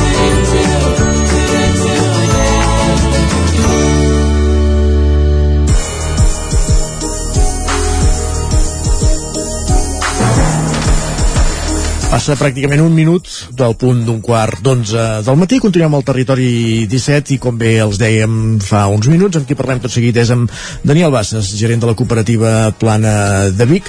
Recordem que ja fa mesos que ens sentim a parlar, de fet a l'estiu va haver-hi mobilitzacions de, per la situació de, dels ramaders del sector de la llet, pel, pel preu de la llet que perceben per produir el, el litre de, de, de llet que està per sobre, per sota, volem dir, perdó, del preu de cost. Recordem que a l'estiu va haver-hi mobilitzacions, en aquell cas per, per les diferències que hi havia a l'hora de negociar aquest preu amb, amb Mercadona, i ara, des de la cooperativa Plana de Vic i Bequers d'Osona, es troben en una altra situació similar, en aquest cas amb Calidad Pasqual, amb qui estan treballant per renovar el contracte de subministrament de, de llet a la planta de GURB. Daniel Bassas, bon dia. Bon dia. Com dèiem això, ara hi ha diferències amb Calidad Pasqual a l'hora de, de renegociar aquest contracte que acaba en sud i que s'hauria de renovar. Sí, sí, és així. El cas és que ens trobem un cas més on que, eh, el ramader, o el cas del sector primari, productor de llet, té problemes per, per signar contractes. No? En el seu moment, com, com bé dèieu, eh, ho vam tenir-ho amb, amb Làctia, que és l'impressió de Mercadona. Eh, aquesta praxis ens, ens, ens afecta aquí nosaltres Calidad Pasqual, però és una praxis molt habitual amb el sector lleter. De fet, a, a tot el territori espanyol, per aquesta setmana estan previstes mobilitzacions per intentar posar en, en coneixement de, del que està passant, no? Uh, posem-hi números. Uh, amb aquest contracte que hi havia fins ara amb, amb Calidad Pasqual us pagaven el preu de la llet uh, en aquestes dues cooperatives com dèiem, Plana de Vic i, i Bequers d'Osona a, a 0,33 33 cèntims i mig per entendre'ns. Uh, quan el preu de cost el situeu als 37 eh, els 37 i mig evidentment són 4 cèntims de, de diferència al litre i suposo que, que costa no? que, que, els, que, les distribu que les operadores diguéssim facin a, aquest canvi de xip, aquest augment de, de preu? Sí, exacte. Al final el que estem rebent és, és una mala praxis que s'ha fet durant els últims 20 anys on s'ha malbaratat el concepte i el preu de la llet. No? El fet de considerar la llet com un producte reclam ha fet que ens trobem en el supermercat la llet eh, ens l'hàgim trobat fins fa poc a 58 cèntims, ara hem pujat a 62, poc a 62 cèntims al litre. El cas és que això és insuficient pel ramader. Nosaltres el que sí que hem fet és fer uns estudis de costos del que ens costa fer la llet i això ens ha permès, a nivell de totes les dues cooperatives, això ens ha permès veure on som. Com bé dèieu, ara estem als 37 eh, cèntims i mig i, i pujant. Uh -huh. Per què? Doncs per diversos motius. No tan sols perquè al final eh, el, el dia a dia de la granja i fer la llet amb qualitat, amb benestar, eh, per posar-nos al dia eh, té aquest cost, sinó que ara el, el, els preus de les matèries, dels cereals, estan pujant moltíssim. Ara el diari més ple de tot això que passa a molts sectors, no? El fet, eh, l'energia, eh, posar, eh, els materials de granja, tota la maquinària que fem servir per fer una llet en, en condicions, doncs fa que ara en aquests moments estiguem a 37 cèntims, eh, 37 cèntims i mig. Llavors, clar, aquesta diferència sobre, sobre el que ens estan pagant, òbviament, va a pèrdues. I això eh, impacta en un moment on portem molts anys així, segur que les grans dades que sempre parlem és que hem passat de 4.300 explotacions, actualment al territori català estem parlant, l'any passat dèiem que estàvem a 400 i poc, ara ja estem parlant ja que estem a 380 explotacions. Llavors això és, és un despropòsit perquè al final el que estem fent és que ens estem de, carregant tot el teixit rural que, que, que té el nostre territori, eh? tota aquesta, aquesta sobirania alimentària aquesta, aquesta, aquest, com bé dèiem, tot aquest teixit rural doncs va desapareixent. Uh -huh. uh, ara anirem a parlar de, de, de les explotacions ramaderes abans un petit apunt perquè és veritat que hi ha un reial decret que estipula o que estableix que, que no s'hauria de pagar el, el, el preu del litre per sota de cost i ara mateix això no s'està complint Correcte, eh, és així, mira, el 2013 va sortir una llei sobre la cadena alimentària on te parlava doncs, precisament de preservar tots aquests tots aquests, cada una de les parts de la cadena alimentària, no? on el sector primari és la part en aquests moments més vulnerable. Llavors, l'any passat va sortir un real decret, és el 05-2020, on deia, especificava clarament que els contractes eh, han de tenir una clàusula on te digui que el preu que s'ha acordat està per sobre preu de cost. Aquest va ser un gran detonant que nosaltres ens van a molt bé per aflorar aquest problema, perquè llavors, gràcies a aquest Real Decret, vam deixar de signar contractes. Llavors, un contracte entre un productor i un industrial de llet eh, fa que eh, hi hagi, òbviament, un acord, i si no signa, eh, això va en decrement sobretot de la part més valenta, més forta, en aquest cas és l'industrial, perquè la part més vulnerable som nosaltres. Llavors, el fet de no signar aquests contractes va originar en el seu moment el primer incident amb l'Àctia, eh, que ell no signava un contracte i ens va dir si no signeu no ho recollirem la llet i va haver-hi aquest primer moviment. Llavors, ara l'Àctia el que ha fet va pujar moderadament, és el que dèiem al milk-washing, perquè va ser com un rentat de cara, eh, però realment ens va pujar a 35, eh? ara ja sabem que 37 i mig és el punt de referència, doncs ens va pujar a 35 i una miqueta més, 5,2, no? Llavors, què passa? Que ara ens, ens anem trobant amb altres operadors que fan el mateix, com Pasqual, Pasqual també fa el mateix eh, ara en aquests moments l'estem servint sense contracte, per tant estem en un punt d'il·legalitat, o sigui, en aquest moment aquest tema no està resolt, però aquest, aquesta setmana a altres, a altres punts d'Espanya i de Catalunya hi haurà mobilitzacions per altres operadors que també fan aquestes praxis. Per tant, és un tema bastant transversal eh, que, que afecta a tots els productors lactis. Abans parlàvem d'explotacions de, ramaderes, perquè moltes vegades eh, s'ha sentit dir que molts que treballen a preu de cost és evidentment que no té massa sentit mantenir l'activitat.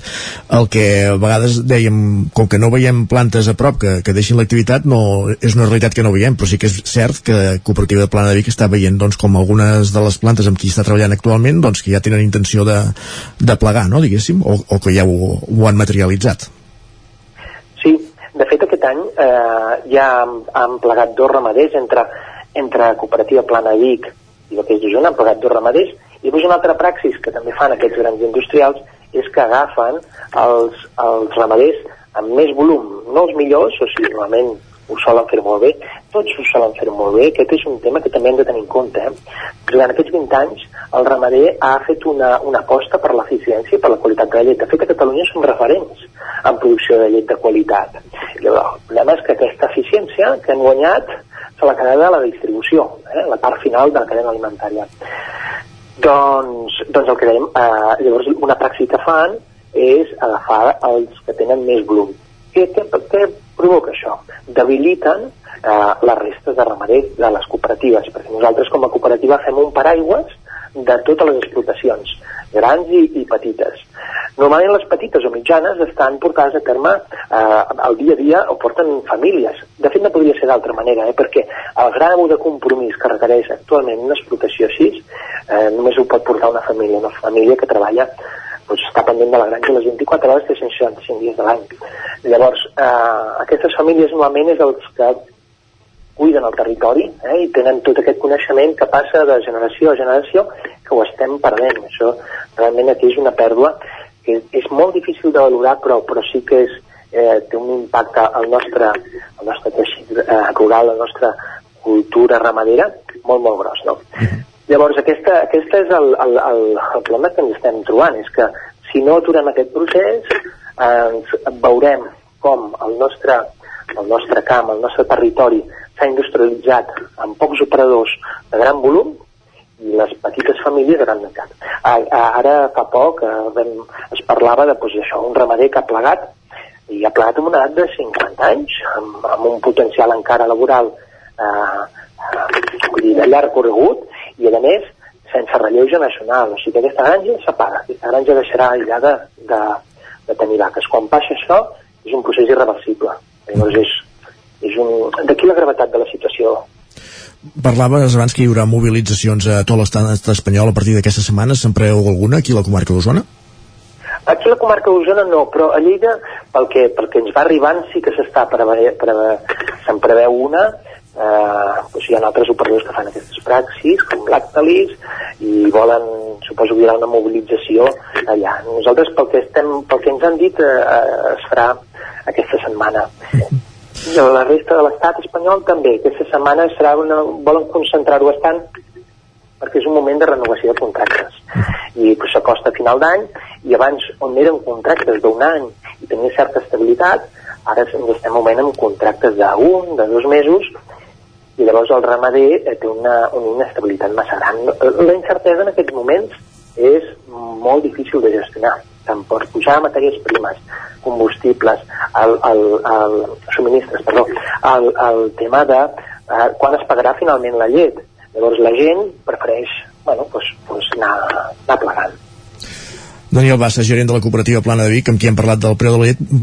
Just per acabar, acabem de posar xifres. Eh, Plana de Vic i Vaquers Osona representen actualment 40 ramaders que fan una producció setmanal de 250.000 litres de llet només per, per, per Pasqual i això és, són dos terços parts de la vostra producció. És així, eh? És una tercera part de la nostra producció. Una tercera part, perdó, sí. Una tercera part, sí, sí, sí. Perfecte, doncs moltíssimes gràcies per ser avui al Territori 17 i anirem parlant d'aquesta situació. Gràcies a vosaltres per fer-me ressò. Bon dia.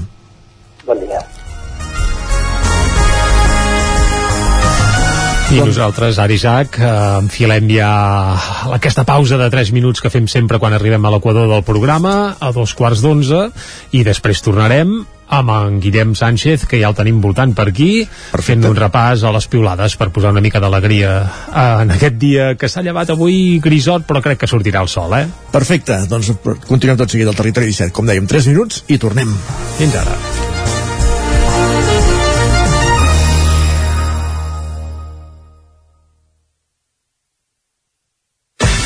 El nou FM, la ràdio de casa, al 92.8. Saps què és el confort intel·ligent? És tenir un terra radiant Giacomini a casa. Benestar que no es veu, però es nota tot l'any.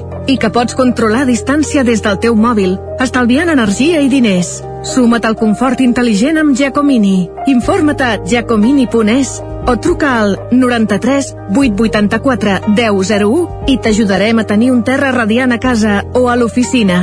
Giacomini, la climatització que et mereixes. Trobada de teatre de Centelles del 5 al 14 de novembre.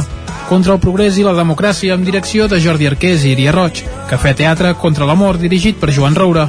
Espectacle familiar anem passant de la companyia Clown i al nou ordre mundial li fem l'última copa de Harold Pinter amb la companyia Llanega Negra. Trobada de teatre de Centelles. Consulta els horaris i reserva la teva entrada a centelles.cat. Rètols 2A. Experts en comunicació visual. Rètols, banderoles, vinils, impressió, plaques gravades, senyalització, display... Rètols 2 Art. Ja són 25 anys al vostre servei. Ens trobareu a la carretera de Vic a Olot, número 7, al polígon Malloles de Vic. dosartvic.com Telèfon 93 889 2588. Cobertes serveis funeraris. Els nostres tanatoris estan ubicats en els nuclis urbans més poblats de la comarca d'Osona per oferir un millor servei. Tanatori de Vic, Tanatori de Manlleu, Tanatori de Centelles i Tanatori de Roda de Ter. Sabem que són moments difícils i per això el nostre compromís és atendre-us en tot moment amb un tracte humà, sensible i respectuós. Cobertes serveis funeraris. Telèfon 24 hores 93 883 23 46. El diumenge 14 de novembre, cinquena cursa de resistència 3 hores Ceba Laia Sanz. A les 8 del matí, verificacions, a les 9 entrenaments i a dos quarts d'onze inici de la cursa.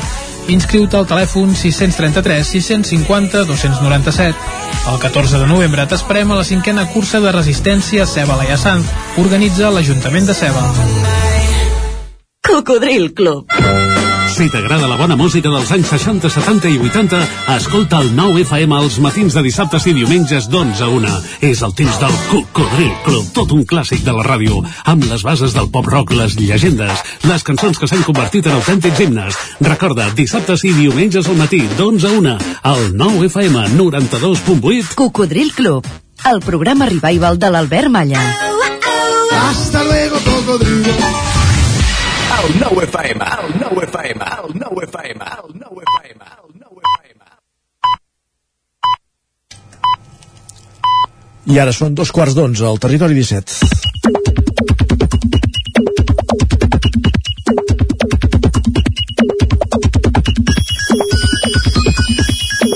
I això, com dèiem abans de la pausa, vol dir que cada dia ens acompanya aquí a l'estudi Jordi en Guillem Sánchez. Correcte, ja el tenim aquí, amb l'eina ben esmolada i a punt per a treure a punta uns quants piulets dels que han aparegut a la xarxa últimament, però no arrencarem això, Guillem. Ho arrencarem per al, per al fred. Ara que sentia que comentaves que el dia era grisot, que a veure si sortia el sol, Jordi, també hem de comentar que les temperatures per això no pugen, eh? Ens ha entrat aquesta massa d'aire fred que jo encara no m'hi he, no he acostumat. En Pep Acosta ja ens ha dit que al migdia sí que s'enfilaran un pèl, eh? Perquè farà més solet. Doncs esperem que tingui, que tingui raó. En aquest sentit, la Clara té una proposta per això que ens podria ajudar a solucionar tots aquests problemes de fred. Diu, arriba el fred i continuo pensant el mateix. Cal introduir el vi calent a les festes populars. Uh, és horrorós.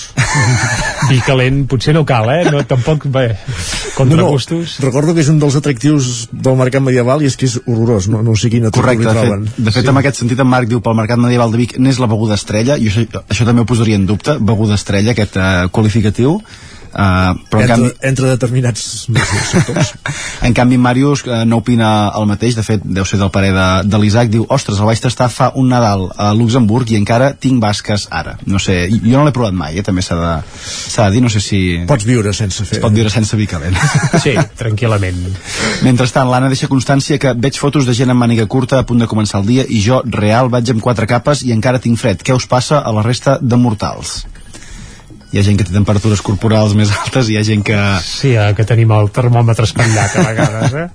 Això sí. també es nota en ocupació de terrasses de bars i restaurants, per exemple. En aquest sentit, la Mònica comenta començo la temporada de convèncer a la gent de no agafar taula a la terrassa. De fet, és una bona solució també aquesta, hi ha uns interiors ben, ben macos i jo crec que ni, ni, ni estufes, ni guants, ni abrics poden solucionar poder sopar o dinar a l'interior d'un local sense haver de, de patir per morir-se de, de fred. Jo entenc que l'única justificació per, per sopar fora és, el, és, el, és pels fumadors, per la resta de mortals o, no. O que dins estigui ple.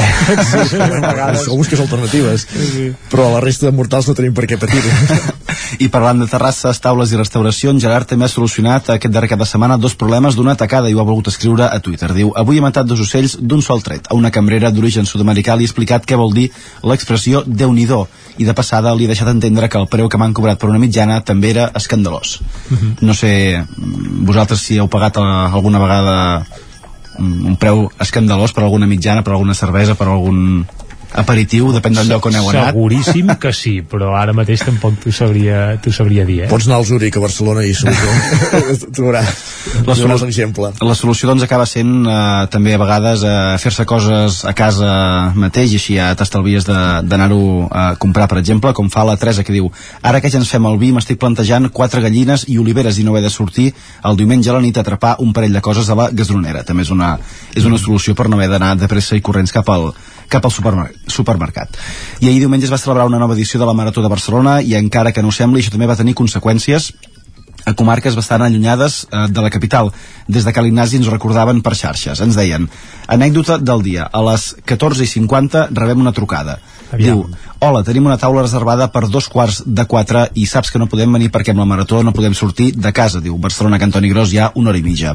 Diu, no ens hem enfadat, de fet encara ens estem descollonant de la imaginació que tenen alguns o algunes. De fet, si saps que no pots arribar, no truquis a, quan falten 10 minuts per les 3 si tens taula a dos quarts de 4, no? Val a dir que ja hi ha certa afició a seguir els tuits de l'Ignasi Camps cada diumenge veient les excuses que li posa la gent per no anar a la taula a l'última hora. Això els que li anulen, perquè també ha els que no es presenten. Correcte. I aquests dies també ha tingut bastant ressò, podríem dir una notícia que va aparèixer a TV3 pel concepte encunyat com a ecoansietat. Oh. No sé si esteu al cas, Sí, eh, sí, Isaac, sí, Jordi. Jo no tant, la Isaac veig que sí per això, eh? Suposo que la piulada és per... Eh, M'imagino la piulada per on va. Uh, expliquem, no? El, Sí, el, tant, el, situem, situem el personal, va. Érem Sobretot en a mi, comenceu per situar-me en a mi. Ja. Crec que era a, a tres joves que els preocupava el, el, el seu futur, diguéssim, perquè no es feia res per revertir les conseqüències del canvi climàtic, diguem-ho així, d'una manera suau, que no veien això, no veien futur i que això els produïa Mhm. situacions d'angoixa i d'ansietat. La Neus comenta, diu, li dic a la meva àvia de 88 anys que ha patit dos ictus, dos atacs de cor, que ha passat la Covid, que ha vist morir a la seva mare i ha vist fugir els seus germans a la guerra i a l'exili, que tinc ecoansietat i em dona un revés que el caltell em queda al lloc de la cara. L'opinió potser però més encertada és aquella que se situa en el terme mig, com diem sempre. En aquest cas, en Miquel diu, suposo que la cunyeta amb els tres xavals de l'ecoansietat la propicia la mateixa etiqueta, però que hi hagi a qui li angoixa i el desespera la merda del món que ens deixa el consumisme no em sembla pas cap motiu de befa. Per tant, opinions per tot. Com sempre. Com sempre.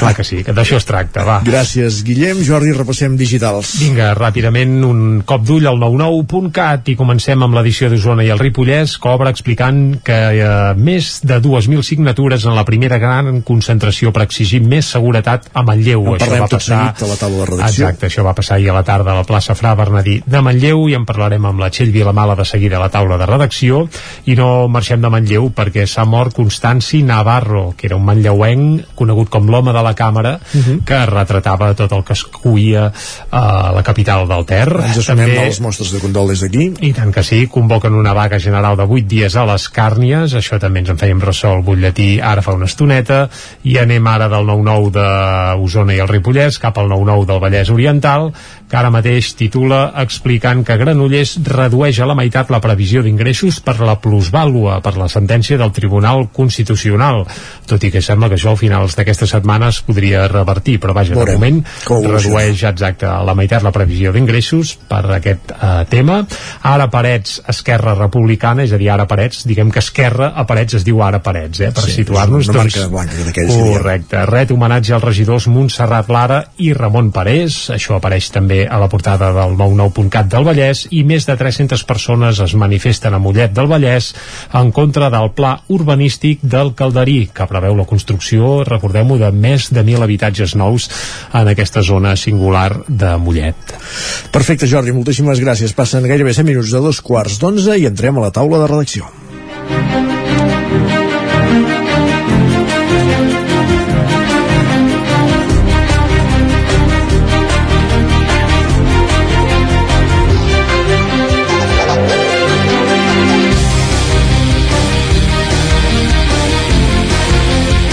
Avui a la taula de redaccions hi esperen la Txell Vilamales i l'Isaac Muntades.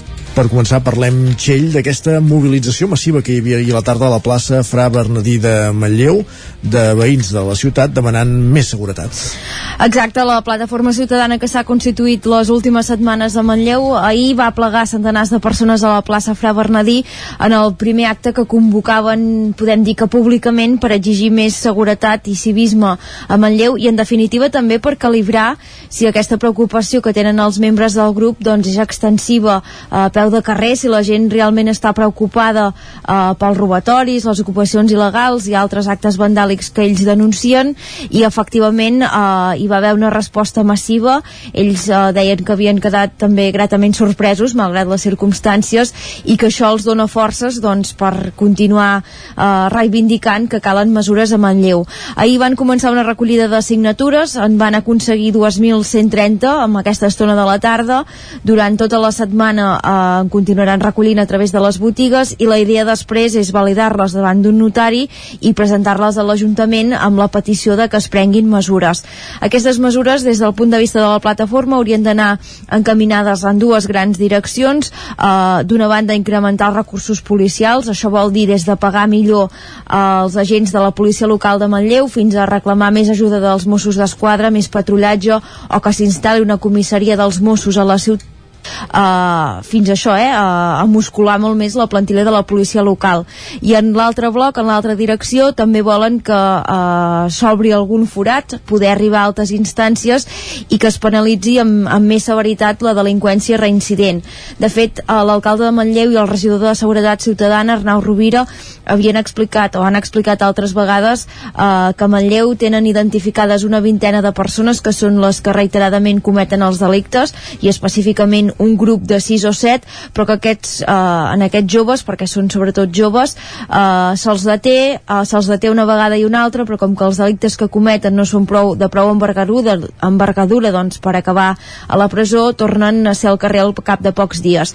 Això frustra els veïns que estan cansats que si sempre són els mateixos noms no es puguin prendre eh, mesures més contundents contra aquestes persones.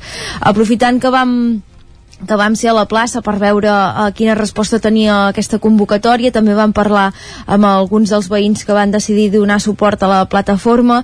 Hi havia per exemple en Benayat Khalifa um, que sí, s'ha de dir així que evocava amb certa nostàlgia el Manlleu de fa 30 o 40 anys. Ens deia que és quan ell va arribar a la ciutat uh, que tot estava molt tranquil però que ara és un continu de patir per si t'entren a casa uh, si et destrossen els vidres del cotxe de patir si te'n vas de vacances perquè no t'ocupin l'habitatge i que ell eh, també està molt angoixat eh, perquè si la seva dona o les filles van soles pel carrer doncs té por que, que els hi passi alguna cosa.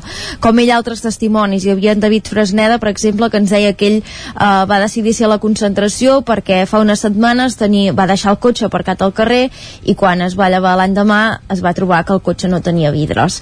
Eh, són alguns dels, alguns dels exemples. També hi havia eh, qui deia com per exemple la Dolors Graboleda que al final eh, a qui s'ha d'exigir respostes no és a l'Ajuntament eh, sinó que caldria que es millorés la llei i que això, el mateix que diu la plataforma que es penalitzi amb molta més contundència amb més duresa les persones que delinqueixen de manera reiterada eh, aquest cap de setmana a través de les xarxes socials eh, no sé si també Isaac eh, tu has pogut seguir, hi ha hagut força polèmica mm -hmm. al mhm. voltant d'aquesta plataforma que s'ha constituït a Manlleu, de si al darrere eh, hi han grups d'extrema dreta, de si tenen un, un discurs racista, xenòfob eh, ells de moment es desmarquen de tota mena de perfils que han aparegut a Facebook i a Twitter. Insisteixen que no tenen cap mena d'ideologia política, que no s'han preguntat entre ells què voten. I deien textualment, i ho llegeixo de com ho hem publicat al diari perquè és com ho van dir eh, que tot això no va de raça, religions ni de gènere, no va de persones sinó de posar solució a la inseguretat que es viu a, a Manlleu.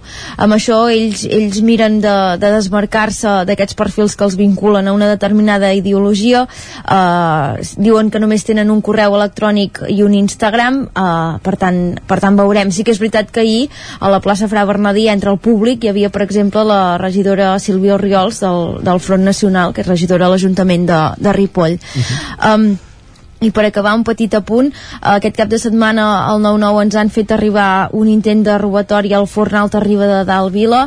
Ens explicaven eh, que van tirar un objecte contundent contra un dels finestrals de la botiga. Per sort, gràcies a la, a la col·laboració ciutadana, la policia local hi va ser a temps, però sí que ens deien des d'aquest establiment, des de la direcció de fet, eh, que és la tercera botiga de Manlleu de, de la seva cadena, eh, que rep una agressió, que n'estan molt cansats i que es plantegen això, iniciar un un, un tancament de les seves botigues ens deien que ja estan castigades per l'efecte de la pandèmia eh, i que ara, bé, trobar-se amb aquesta mena d'incidents amb poc temps de diferència doncs que els està posant les coses una mica difícils. Veurem com progressa també, veurem quantes signatures recullen i llavors eh, què es pot fer de manera efectiva no? amb tot aquest suport ciutadà. Evidentment, gràcies Txell per acostar-nos al detall d'aquesta mobilització que hi havia a la tarda a Manlleu. Gràcies de, Isaac, bon, bon dia. dia. I de Manlleu anem fins a Ripoll. Isaac Muntades des de la veu de Sant Joan. Bon dia, Isaac. Doncs uh, sí, ara la Txell parlava de seguretat, nosaltres també parlarem de, de seguretat, però de seguretat viària, perquè... Exacte. Uh, uh, un, un, un tema que, si més no, genera menys, menys polèmica, no? Exacte, exacte, sí, perquè és important, perquè això, bàsicament, eh, la notícia és que Ripoll tindrà dues rotondes que es construiran a la ronda de Mas d'en Bosch, que això és a la carretera C26, la que porta cap a Sant Joan de les Abadeses, sortint, doncs, cap a la, cap a la població Sant Joanina, diguéssim, eh, per la banda eh, oest de, de Ripoll, i en aquest cas aquí eh, s'ha d'explicar que és una zona on els cotxes realment venien a altes velocitats perquè allà s'hi troba una, una gran recta també és, també és cert que hi ha uns semàfors el que passa que són semàfors que només eh, doncs es posen vermells quan ha de creuar doncs, eh, un vianant per tant no, no acaben de fer aquesta funció de, de reduir eh, els cotxes no? la velocitat dels cotxes i llavors allà com que eh, en aquesta recta on teòricament si hauria al ser ja una via urbana s'hauria d'anar a 50 doncs eh, els cotxes doncs, eh, van molt més ràpids doncs el que s'ha decidit fer és fer eh, aquestes dues eh, rotondes que es construiran s'obriran els accessos de, del, poli, del polígon dels pintors i que permetran doncs això, que es pugui reduir la velocitat perquè clar, veníem d'una recta molt llarga, ara hi haurà, hi haurà dues rotondes que reclamaven des de feia molt temps perquè en aquell punt s'hi havia produït algun accident eh, mortal i per tant doncs, eh, era una demanda que ja havia fet eh, l'Ajuntament. I eh, en principi eh, ja s'ha anunciat doncs, la licitació de les obres de construcció. Eh, en teoria això ho portarà l'empresa pública infraestructures.cat eh, el termini de presentació d'ofertes acabava el 6 de setembre i fins ara no s'ha comunicat doncs, aquesta resolució d'adjudicació. En els terminis, si tot va bé, eh, hi hauria d'haver adjudicatari abans de que acabi aquest any i en principi els, els treballs per començar aquestes eh, dues rotondes començaran el 2022. Per tant, s'espera que al llarg de l'any vinent doncs, es puguin tenir una que serà a l'accés del pavelló a, a la Vallaneda, el centre de tecnificació esportiva doncs, que queda doncs, en aquella recta entre, entre, la, entre la Vallaneda i una altra que seria doncs, a, a la Fundació Eduard Soler que queda a l'altra banda de la carretera i també hem de dir que més també es vol eliminar el giratori d'encreuament de carrils a l'accés central eh, del mateix polígon, per tant és una, és una obra important per, per Ripoll. Perfecte, Isaac, moltíssimes gràcies. Acabem aquí la taula de redacció, però no marxis gaire lluny, perquè de seguida vindrem altre cop a, a la veu de Sant Joan en, en, en el que fem cada dia, el repàs esportiu de cada dilluns per saber què han fet els equips de, del territori 17 durant les jornades de competició d'aquest cap de setmana. Fins ara. Fins ara.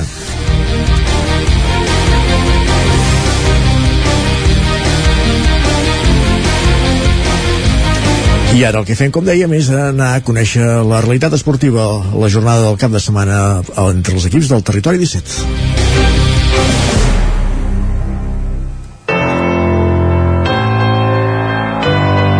Territori, Territori 17. 17. Territori 17.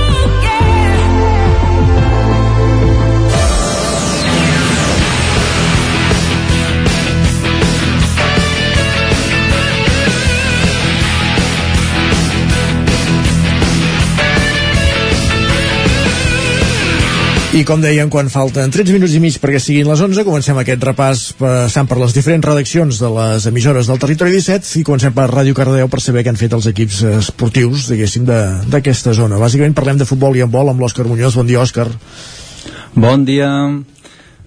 Doncs sí, eh, depèn, depenent de quin esport doncs aquest cap de setmana hem anat millor o pitjor en, uns, Sol passar. en unes qüestions així que sí, eh, comencem el repàs esportiu aquí amb el primer equip del Cardedeu a la segona catalana que cap de setmana es disputava la jornada número 6 i el primer equip doncs, va empatar a dos gols contra el GURB Unió Esportiva. Molt bé.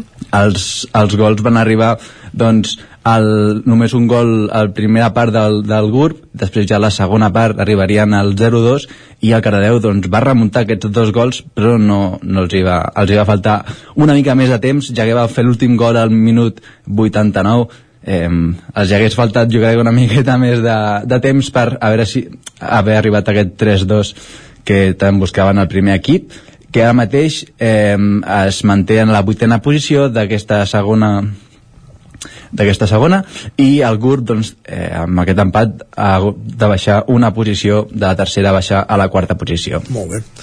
ara ens anem a la tercera catalana on sí portem bons resultats ja. eh, amb el Cardedeu aquest cap de setmana jugava contra el Llerona eh, anava millor classificat el Llerona en la tercera catalana però eh, el partit va acabar amb un gol a dos a favor del Cardedeu els gols van arribar a la segona part a dos del Cardedeu i a l'últim minut del Llerona doncs, per posar aquest 1 a 2. Ara mateix el Cardedeu està situat a la segona posició, o sigui, de cinquena a la segona posició, i, i el Llerona doncs, que baixa fins la vuitena.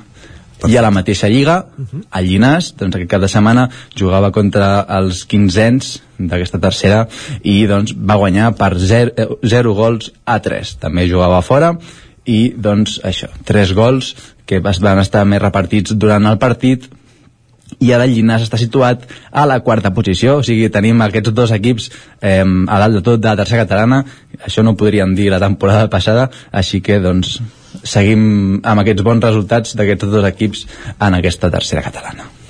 Perfecte. I per acabar el futbol, acabem amb l'Esport Club, que aquest sí que segueix a la mateixa, eh, a la mateixa línia, cap de setmana doncs, dins de la jornada número 10 eh, hem empatat a, a 0 a 0 gols contra el Vilassar de Mar D'acord.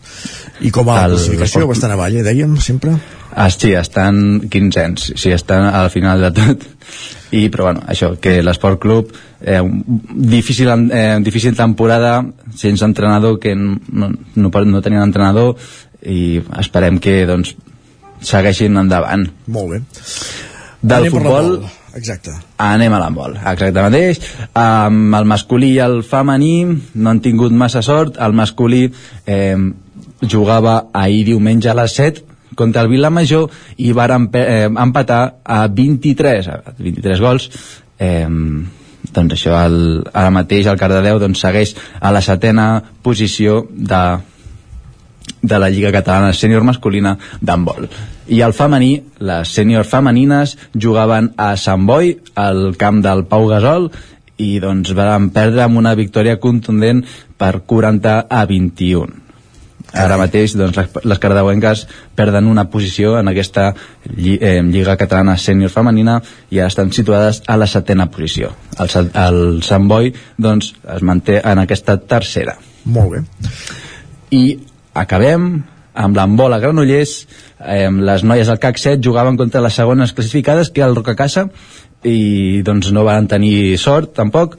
Van perdre per 34 a 25 eh, jugaven fora contra les segones no van poder fer aquesta sorpresa i les noies del CAC 7 que ara mateix estan situades a la part, bueno, a la part mitja de la classificació a la vuitena.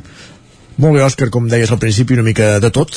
Gràcies Sí. per ser avui uh, explicar-nos aquesta jornada del cap de setmana. Continuem parlant, gràcies, bon dia. A vosaltres. I de Ràdio Cardeu anem fins a una codinenca, allà ens espera la Caral Campàs també per conèixer els resultats dels equips de hoquei i futbol de, de l'entorn, diguéssim, de Sant Feliu de Codines, de Caldes, de Vigues, del Moianès. Caral, bon dia. Bon dia, comencem per l'hoquei. Les noies del Vigas i Riells encetaven l'hoquei Lliga i han caigut golejades aquest cap de setmana pel Deportivo Liceo. Tot i el gol inicial de Reyes, les ballesanes van pagar la falta d'encert amb una derrota. Així doncs, el resultat final a la pista del Liceo fa molt mal al Vigas, un 5 a 1. Per començar, per la falta d'encert que va abocar les ballesanes a la derrota i també perquè consideren que és un marcador massa injust per la feina que ha fet l'equip encara amb desajustos sobre el terreny de joc. I a segona tenim el Sant Feliu de Codines que va ser derrotat pel Vendrell aquest cap de setmana per un 1 a 4, un marcador final que és un càstig també massa gran per un partit que va ser molt igualat, amb un ritme alt, també defenses avançades i força ocasions al pavelló Francesc Casart. I en futbol, a segona, tenim alcaldes que s'enfrontava a la Torreta, uns calderins que preveien un partit fàcil per seguir amb la imbatibilitat que portaven des de l'inici de la temporada, però la Torreta va trobar eh, una efectivitat que va fer perdre la solvència defensiva alcaldes i que precisament l'havia portat a liderar la classificació. El partit va acabar amb un la Torreta 4, Caldes de Montbui 1. I a tercera, el Sant Feliu va cantar la balança a favor en el partit que va disputar diumenge a casa contra l'Aigua Freda. El marcador va acabar amb un 2 a 1, un partit que va ser força igualat amb la possessió generalment pel Sant Feliu. I el Castellterçol va superar per la mínima a un Borgonyà que continua sense guanyar per 4 a 3. I tot i que els usonencs es van avançar al marcador i que malgrat l'empat posterior del Castellterçol van tornar a posar-se en avantatge, finalment els del Moianès van lluitar i van remuntar el partit davant la seva afició. I finalment un Moià molt efectiu ha plantat cara aquest cap de setmana al Tona B amb un marcador final de 1 a 2 que va arribar al final d'una bona primera part. Amb aquest marcador ajustat es va arribar també al tram final de partit que amb moltes faltes es va escalfar bastant. Aquest 1 a 2 però no va canviar i així el Moià suma una nova victòria amb què es manté entre les primeres posicions amb 17 punts. D'altra banda, el Tona es manté irregular a la part mitja de la taula amb 8 punts. Gràcies, Caral, per aquest repàs exhaustiu i, com dèiem, tornem a la veu de Sant Joan amb l'Isaac Muntades per saber els resultats dels equips del Ripollès. Isaac, bon dia de nou. Bon dia. Uh, doncs poques alegries aquest cap de setmana i, i si no ha anat gaire bé i si vols comencem, de fet pel pitjor resultat així ja ens ho traiem de sobre va. que el va obtenir el Camp Prodon de, de futbol, el subgrup A de la zona catalana va caure golejat a domicili davant el Roses per 6 a 1 això sí, el descans hi va arribar doncs, amb un pírric resultat d'1 a 0 amb un gol de, de rebot de Vargas i de fet el maig va estar igualat i van tenir doncs, cada equip una ocasió per marcar però només va, va fer punteria al, al Roses i a la segona part no hi va haver-hi color. Es va posar immediatament amb un 4-0 amb un gol de cap de Vargas un, el contraatac de Pérez, un de falta directa de Gueye després Llopis en pròpia porteria va reduir distàncies i ell mateix de penal doncs, va compensar l'errada per fer la maneta i Muñoz va tancar la golejada amb un tir des de fora l'àrea. Ara el Camprodon està enfonsat a la cua de la classificació amb només 3 punts després de 8 jornades disputades. Uh, millor van anar les coses al grup 19 de la tercera catalana de futbol, on el de Bànol és co-líder de la Lliga, empatat a 18 punts amb el Sant Gregori, després de fer el pitjor partit de la temporada i guanyar de miracle i de forma bastant surrealista a l'Hostoles per 2 a 1. Uh, de fet es va avançar de miracle i surrealisme Sí, sí, va, va ser un partit que al minut 91 estava perdent el Canadà un 0 a 1.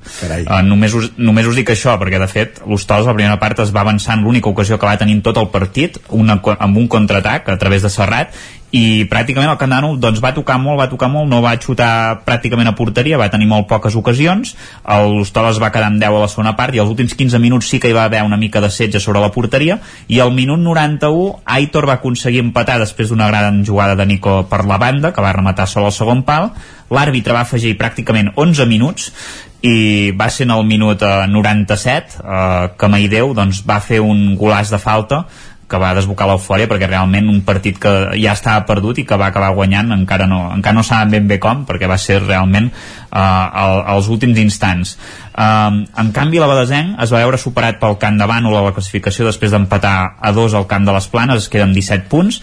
Els Sant Joanins van començar bé el partit perquè Àlex de Cruz que està en ratxa i actualment és el millor jugador dels blanquinegres en aquest inici de Lliga va fer el 0-1 amb un xut de dins l'àrea però les Planes va aconseguir capgirar el marcador. A les acaballes de la primera part G va empatar i Jordi Soler a la segona va fer el 2 a 1 de penal els, per sort els visitants doncs, van poder rescatar un punt quan encara, encara faltava un quart d'hora per acabar el partit amb una rematada uh, dins l'àrea. Llàstima de, de l'empat perquè la ratxa que portaven els Sant Joanins era molt bona i anaven disparats. Uh, molt malament en futbol sala perquè l'escola de futbol sala Ripoll Servicat va caure a casa per 2 a 6 contra el padre Damián i actualment són penúltims amb només un punt i després de 4 partits. El pitjor és que molts rivals de la zona baixa tenen eh, menys partits eh, disputats que ells per tant encara podrien caure més avall eh, i aquest any l'objectiu serà doncs, salvar la categoria perquè hi ha molts jugadors nous també n'hi ha molts de lesionats i, i segons ens va comentar algun jugador de l'equip no s'està fent una gaire bona preparació física i això que van començar el partit guanyant en, amb un contraatac amb un gol de Brian eh, que va fer l'1-0 al descans el padre Damián ja va capgirar el marcador i es va posar 1-2 a la segona part el físic va baixar totalment i el padre Damián va acabar doncs, 1 a 6 Dani va retallar distàncies amb un golàs però no va ser suficient.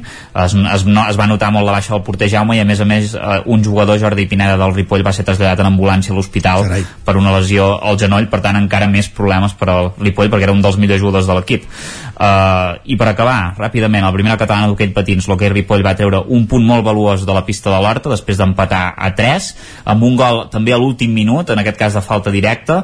Uh, va començar bé el Ripoll posant-se 0-2 però l'Horta va aconseguir empatar abans del descans a dos, va fer el tercer gol només començar la segona part i va tenir ocasions per sentenciar, el Ripoll també va tenir les seves i al final doncs, eh, es va quedar així amb els gols de Jaume Vidal i Enric, aquest 3 a 3 i ara el Ripoll és quart amb 9 punts d'una lliga que, que té 9 equips.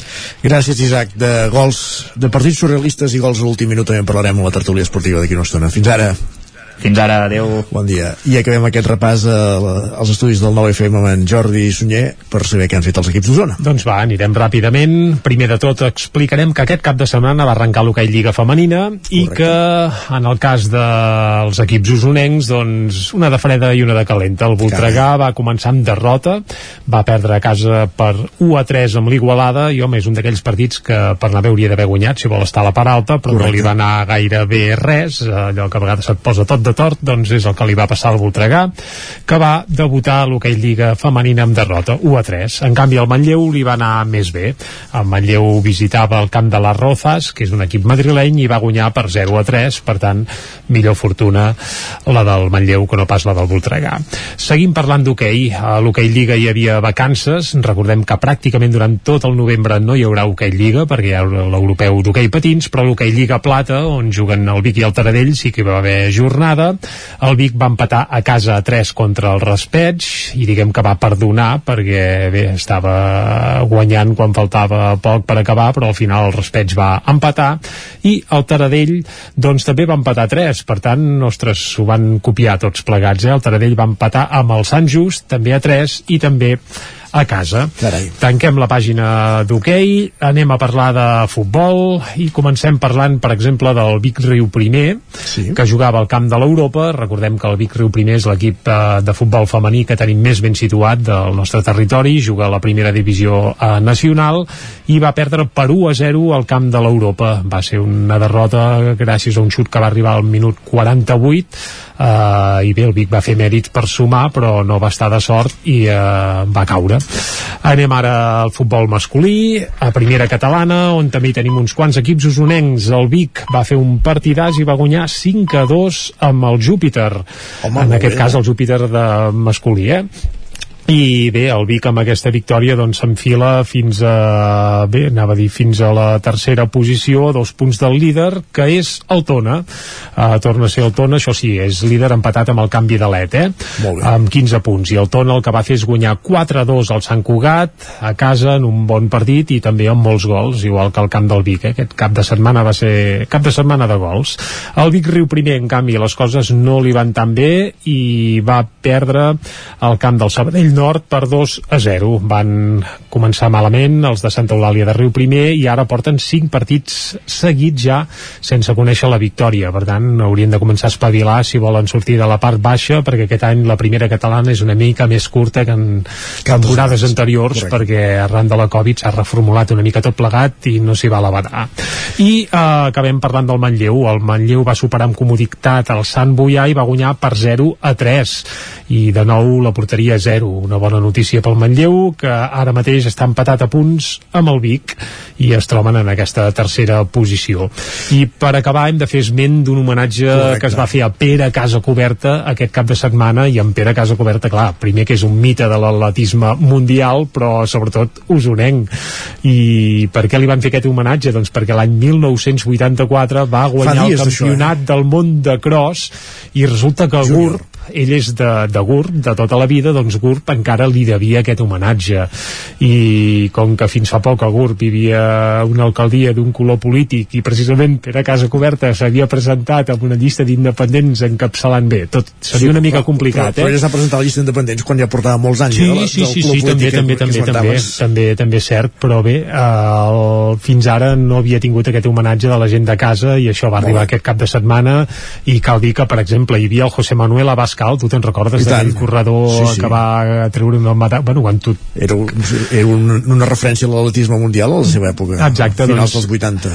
diguem que tindrien vides paral·leles amb el Pere Casa Coberta perquè l'Abascal també va néixer de, de poble uh, s'entrenava menjant fuets i llonganisses de casa seva i corrent pels camps, en Pere Casa Coberta també ho feia, però ho feia GURB i un a l'estat espanyol, un a GURB doncs van tenir uh, vides paral·leles l'Abascal afortunadament no va tenir una lesió tan greu com la de Pere Casa Coberta que li va estroncar una mica la carrera i la veritat és que aquest cap de setmana GURB es va redimir una mica amb el seu gran heroi i li va fer un reconeixement com Déu mana. I res, just un últim apunt, eh, que n'hem parlat de bàsquet i el Vic eh, de bàsquet doncs, va guanyar a casa i el Girbau Vic TT de tenis taula, el Girbau Vic TT de tenis taula femení va caure eliminat de la Champions també aquest cap de setmana. Doncs va, acabem aquí aquest repàs eh, esportiu. Passen 3 minuts de les 11, anem a actualitzar-nos.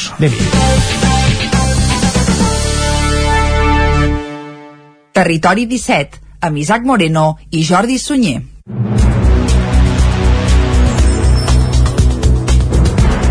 I quan passen 3 minuts de les 11 us expliquem que els treballadors del sector carni aturaran l'activitat 8 dies a tot l'estat espanyol. La vaga general, convocada per comissions obreres i UGT, reclama un avenç en les negociacions del conveni del sector que fa 11 mesos que estan encallades. Aquesta vaga es, convoca, es convocarà pels dies 25 i 26 de novembre i també del 3 al 8 de desembre.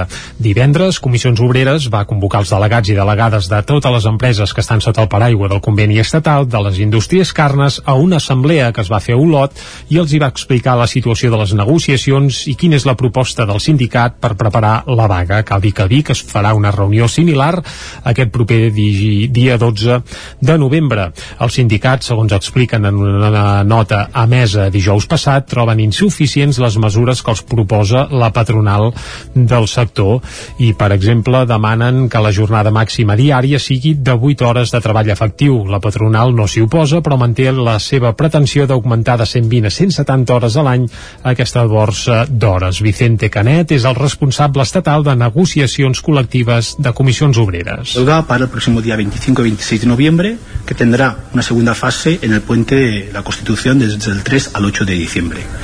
¿Qué reivindica Comisiones Obreras? Reivindica salarios justos, ¿eh? con mejora del poder adquisitivo, reivindica una jornada media que hay en todo el Estado español, estamos superando la jornada máxima que hay de media en el Estado español, reivindicamos estabilidad en el empleo y reivindicamos también mejoras para poder conciliar.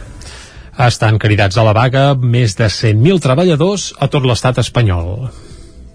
La tercera edició del Passi per Caixa impulsarà l'activitat de la restauració d'Osona aquesta iniciativa dels ajuntaments del Cabrerès, el Voltreganès, Roda, Masies i Manlleu crearà 600 vals de descompte de 10 euros que es podran bescanviar en una vintena de restaurants. Per intentar reactivar l'activitat de la restauració, una de les activitats més tocades arran de la crisi de la Covid-19, els ajuntaments del Cabrerès, el Voltreganès, Roda, Masies i Manlleu dedicaran la tercera edició del Passi per Caixa a aquest sector. Ho faran a través de 600 vals de descompte de 10 euros cadascun que es podran bescanviar a una vintena de restaurants. Una campanya que es finança amb una aportació de 14.000 euros de la Diputació. Escoltem per aquest ordre a Eudal Sallarès, regidor de Promoció Econòmica de Manlleu, i Àlex Muntanyà, alcalde de l'Esquirol. Malgrat sí que s'han flexibilitzat moltes de les restriccions, eh, són sectors que a hores d'ara encara doncs, pateixen doncs, eh, expedients de, de regulació de, de, de treball, eh, EROs, com sabeu, vam arribar a la conclusió que el que havíem de fer era eh, ajudar que la gent tornés eh, a, aquests, eh, a aquests restaurants. Una campanya que afavoreix eh, la proximitat, afavoreix eh, la restauració i, evidentment, va enfocada a que tots aquells visitants, turistes, veïns i veïnes d'aquests pobles eh, puguin, puguin gaudir d'aquesta gastronomia que tenim aquí a, al Voltragonès, repeteixo, al Coll de Cabra, a Manlleu, a Roda de Ter i, i, i Masies.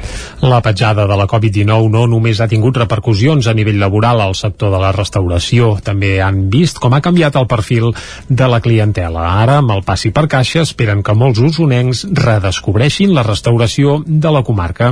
Escoltem Eudal Sallarès i Albert Prado, alcalde de Tabertet. Gent que, va, que pugem aquí al Cabrerès, que ens anem al Voltreganès, gent de Roda que, que ve Manlleu i són, són fluxes que sabem eh, que existeixen per fluxes de treball, familiars, d'oci i que per tant s'han d'aprofitar i sobretot també s'han de potenciar. Van començar els desconfinaments i era per comarques, eh, després eh, es van ampliant ens trobàvem gent d'aquí de la comarca que per exemple a Tabertet, gent de Manlleu que deia fa 30 anys que no pujo a Tabertet i quedava sobtat va començar a vindre aquest flux de turisme així de comarca, de proximitat eh, tornant a reconèixer el territori que feia molts anys que no veia i crec que aquest és un pas molt important per recuperar això. Els vals de descompte no seran acumulables, es podran utilitzar fins al 31 de desembre, però caldrà, això sí, fer reserva prèvia i avisar als restaurants que es vol fer servir aquest val. Es poden descarregar gratuïtament a través del web passipercaixa.cat. El grup de teatre de Xalles 81 ha tornat a representar el diari d'Anna Frank aquest cap de setmana, una obra estrenada fa dues setmanes per celebrar els 40 anys del grup, Gemma Permanyer, des d'Ona Codinenca. El grup de teatre de Xalles 81 de Sant Feliu de Codines ha reprogramat aquest diumenge a la tarda al Casal Cultural Codinenc una de les obres de més èxit de la seva trajectòria, el diari d'Anna Frank, en el marc de la celebració dels 40 anys del grup un muntatge amb una espectacular escenografia feta a mida que recrea les golfes on va viure la família Frank. L'obra es va estrenar per primer cop fa 25 anys i de tots els actors de la primera edició només n'hi ha un de repetidor, Sergi Capdevila. Escoltem-lo. El grup va ser un abans i un després, no? Uh, una obra que va calar molt, molt missatge, una obra que es va treballar moltíssim, amb molt sentiment, i m'ha fet especial il·lusió el fet de que l'hagin recuperada no? ara, ara em veig en el paper d'autor franc no? de fet de, de, del repartiment soc l'únic que ha repetit i... En aquests 40 anys de Xalles 81 ha fet 85 estrenes d'obres de teatre, 20 festivals infantils, 8 espectacles de varietats, 40 pastorets sèniors, 20 d'infantils, 7 mostres juvenils i 5 d'infantils. En total, més de 300 espectacles o sortides fora del municipi, a més de 110 pobles i ciutats d'arreu de Catalunya, incloses les illes i la Catalunya Nord. Gràcies, Gemma. Dissabte es tancava l'exposició de peixos confinats de l'artista Marta Castells a la floristeria Parera de Cardedeu. Núria Lázaro, de Ràdio Televisió de Cardedeu. Fa quatre anys que la floristeria Parera de Cardedeu va començar amb Finestrart, una iniciativa per aprofitar els finestrals modernistes que tenen a la floristeria. La primera artista va ser la Pilar Ors, que muntava exposicions temàtiques per Nadal o durant el quart de terror. Des d'aleshores s'ha decidit formalitzar les exposicions artístiques sota el mar de Finestrart i aquesta iniciativa ha cridat l'atenció més d'un artista qui s'ha volgut sumar, com per exemple l'artista cardedeuenca Marta Castells, que dissabte tancava la seva exposició Peixos confinats. Que els vaig fer durant el confinament i, i llavors un dia vaig decidir penjar-los així per Instagram i eh, bueno, cada dia em penjava un amb un motiu diferent i doncs això es va crear un feedback de resposta que, bueno, que em donava com empenta a, a continuar i, i anar, anar-ne creant. Vaja. El pròxim artista en exposar serà en Roger Canals. El primer finestrar que amb comptes de ser arps plàstiques serà una exposició musical. Gràcies, Núria. Tornem a la veu de Sant Joan per fer un últim eh, punt d'emergències. Els bombers rescaten una persona al camí del Puigmal a Fontalba, ferida a la cama i amb símptomes d'hipotèrmia. Isaac Muntades, des de la veu de Sant Joan. Els bombers de la Generalitat de Catalunya van rescatar aquest diumenge a la tarda al camí que va del Puigmal fins a Fontalba una persona que presentava una ferida al peu i símptomes d'hipotèrmia. Els bombers van rebre l'avís quan faltaven 10 minuts per les 3 de la tarda i van destinar-hi quatre dotacions dels parcs de Ripoll i del grup d'actuacions especials. El fort vent vent que bufava a la muntanya va fer impossible que l'helicòpter pogués accedir fins on estava la persona accidentada. Per tant, els bombers van traslladar-lo amb llitera fins al punt on l'esperava l'ambulància del sistema d'emergències mèdiques. Gràcies, i Isaac. Acabem aquí aquest repàs informatiu que hem fet des de les 11 i pocs minuts amb Jordi Sunyer, Isaac Muntades, Gemma Permanyer i Núria Lázaro. Continua al Territori 17. Anirem tot seguit als solidaris.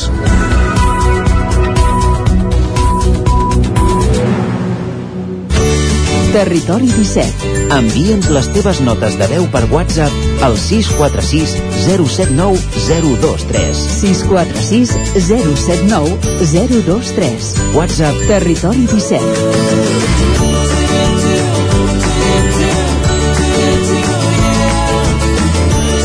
Territori 17. Som a Facebook, Twitter i Instagram amb l'usuari Territori 17.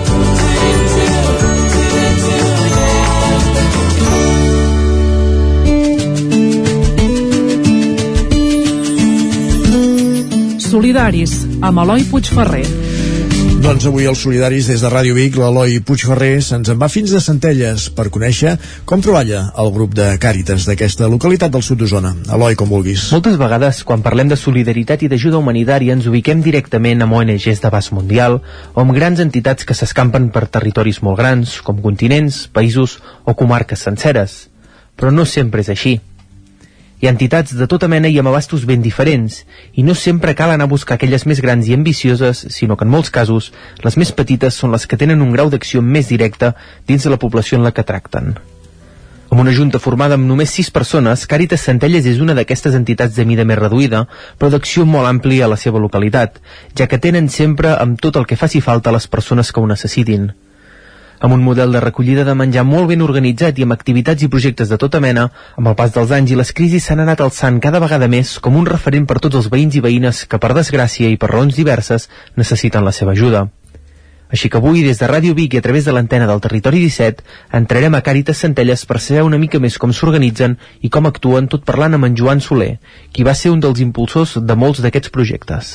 Càritas ja existia en el moment en el que jo m'hi vaig vincular, diguem, estava poc activa i ens hi van vincular una, una sèrie de, de persones eh, junts, eh? en aquest cas doncs jo hi vaig entrar juntament amb la meva amb la meva dona, amb la meva parella, la Montse, i els dos vam entrar a Càritas i a partir d'aquí doncs vam anar engrescant una, una sèrie de gent perquè també s'hi també s'hi vinculés amb responsabilitats diferents eh? el primer que vam fer va ser engegar una campanya de captació de voluntaris i voluntàries que volguessin participar en diferents activitats que portàvem a terme perquè diguem que en aquell moment, record, el 2009 era un moment fort de la crisi, eh, de la crisi econòmica que va començar el 2008 i Càritas era necessari per cobrir doncs, aquelles mancances de moltes persones i famílies que es havien anat quedant doncs, en una situació cada vegada de més empobriment degut a que estaven a l'atur, eh, etc i així ens hi vam posar i jo per tant puc parlar més d'aquests últims d'aquests últims anys, d'aquests 12 anys de Càritas, ja dic, en un moment en el que Centelles Càritas doncs estava molt, tenia un nivell d'activitat molt baix i nosaltres el que vam fer va ser intentar dinamitzar-ho i penso que, que ho vam aconseguir. L'empenta la van portar en Joan i la Montse, però Càritas Centelles no es pot entendre sense la participació de tots els voluntaris que fan possible tots els projectes. En el seu cas, tot i que l'entitat estava una mica pagada, no van dubtar en fer una crida que va ser tot un èxit. Crec que en aquest cas tenim una gran sort de que sempre hem tingut aquelles persones voluntàries doncs, que, que hem necessitat per fer les nostres activitats i un voluntariat amb diferents nivells diguem de, de compromís i de dedicació de manera que cadascú s'hi ha dedicat el temps doncs, que, ha pogut, que ha volgut eh? O que ha tingut, vull dir que aquell que ha tingut una hora a la setmana, doncs una hora a la setmana, i aquell que n'ha tingut tres, doncs tres, i aquells que han necessitat dedicar-s'hi més, doncs, doncs més, no? Eh, això és com una entitat sempre necessita, diguem, amb un símil ferroviari, màquines i, màquines i vagons tots són necessaris no? hi ha persones doncs, que per el motiu que sigui doncs, eh, tiren endavant i, i es tiren un determinat projecte i es fan responsables d'una determinada activitat i d'altres que hi participen en la mesura en què fa falta doncs, donar un cop de mà però per nosaltres tots són importants i, i tots són necessaris sense comptar amb aquells que no tenen temps, diguem per dedicar, però en canvi ens fan aportacions amb espècies, ens fan aportacions econòmiques però que serveixen en definitiva per tirar endavant les nostres activitats. Eh? Ja sabem, Càritas és una entitat vinculada a l'Església, però obert a la participació de, de persones doncs, que no tinguin relació doncs, amb l'Església i potser en algun cas jo crec que, tenim voluntaris que no són ni tan sols que ni són ni tan sols creients no? però que en canvi participen i col·laboren i perquè s'identifiquen però els valors cristians són prou amplis perquè són en definitiva valors humanitaris perquè les persones s'identifiquin i els sembli bé de treballar a Càritas o de col·laborar-hi. Els anys que els ha tocat viure el projecte impulsat per en Joan i per la Montse, però no han estat gens fàcils, ja que han topat amb una crisi econòmica sense precedents com va ser la del 2009. Soler explica com han viscut tots aquests anys. Per desgràcia, doncs, en el nostre món la desigualtat ja està tan enquistada, no?, en les nostres societats, les desigualtats i les injustícies, perquè en definitiva si hi ha pobresa és perquè hi ha injustícia, i estan tan enquistades doncs, que és difícil que, que Càritas deixi de ser necessari, però ojalà, eh? què més voldria jo doncs, que no fóssim necessaris perquè perquè no hi ha pobresa, no? Eh, clar, el, el 2008, bueno, a partir del 2009, 2010, 11, eren anys eh, molt difícils. El nombre de persones que teníem eh, creixia de manera espectacular, no? I cap a un, a més a més, eh, amb un perfil doncs, que segurament era molt diferent del que hi havia hagut fins a aquell moment, no? perquè hi havia molta gent que es quedava es havia quedat sense feina, que es quedava sense feina, per tant, famílies amb dificultats importants, amb nens, amb infants, famílies que ho passaven malament, eh, possible i, i amb un perfil que no era el, a vegades la gent pensa doncs, que els pobres són els, els immigrants, la gent que migra, no, en aquell moment eren els immigrants i eren moltes persones autòctones que, que es quedaven sense feina, gent que havia vingut en els anys anteriors, que eren anys bons econòmicament, havien vingut de l'àrea metropolitana de Barcelona, havien comprat un pis, pagaven una hipoteca de cop i volta sense feina, no? I, i per tant sense poder pagar la hipoteca, amb problemes de vivenda, etc. Tot això va ser un període dur que va anar que va anar remuntant, eh? I, doncs, però remuntant però va costar, eh? Però quan semblava que la situació ja s'anava posant a lloc, va arribar el 2020 i amb ell una pandèmia que està deixant i que deixarà moltes seqüeles socials.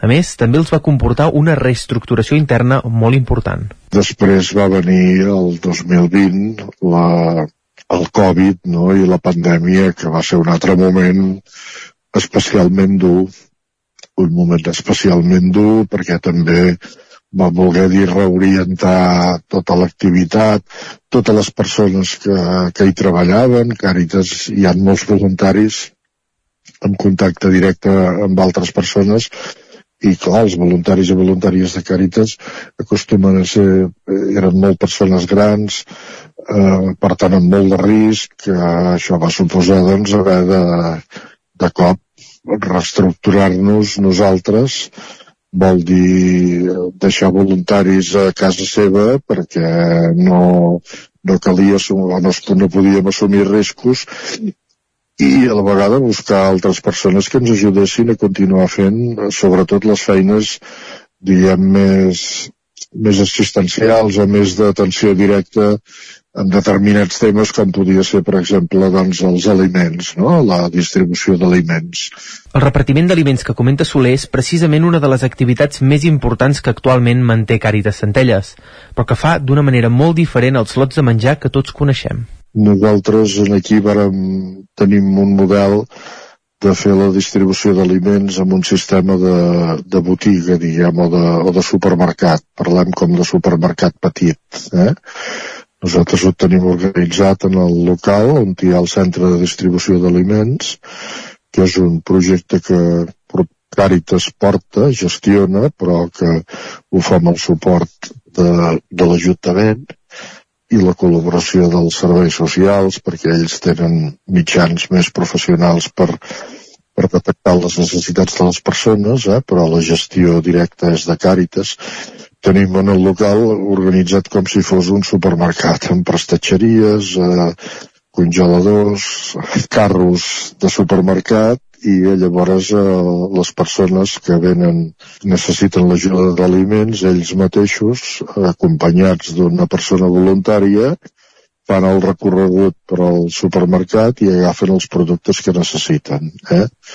I en vez de pagar, no paguen amb diners, sinó que tenim un sistema de punts i ells tenen uns punts atorgats i els productes valen una puntuació i poden arribar a fer la recollida sense eh, amb aquest sistema de punts, no? sense passar-se de, del que tenen adjudicat, però eh, està tot pensat, diguem, perquè tothom pugui agafar tot allò que necessiti, eh? almenys una mica de cada de tot allò que necessita, i que quan surti doncs hagi pogut eh, omplir el carro del supermercat eh, tranquil·lament. I tenim productes bàsics, però bé, tenim, diguem que és un supermercat petit, però ben assortit en quant a varietat. El model de supermercat va venir inspirat per altres projectes fora de les nostres fronteres i amb referències a altres ciutats catalanes.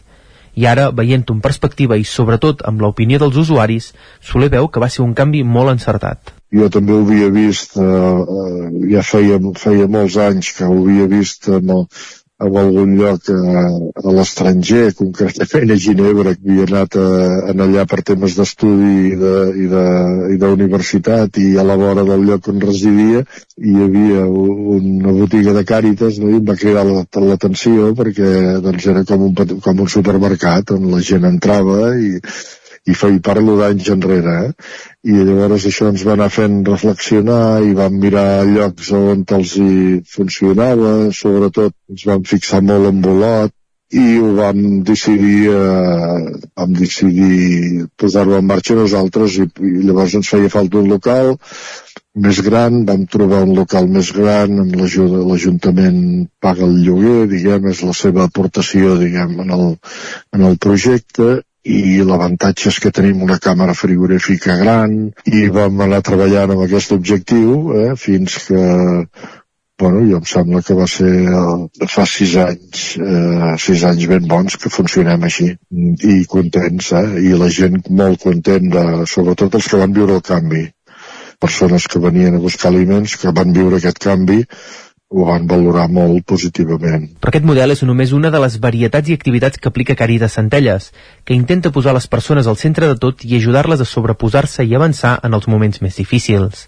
I per això, des de l'entitat també s'organitzen altres activitats que busquen formar i donar una empenta als seus usuaris i usuàries. Solen enumera alguns. Un projecte de reforç escolar a infants i adolescents amb, diguem, amb dificultats a l'escola i un tema de, de beques per activitats eh, escolars també. Eh?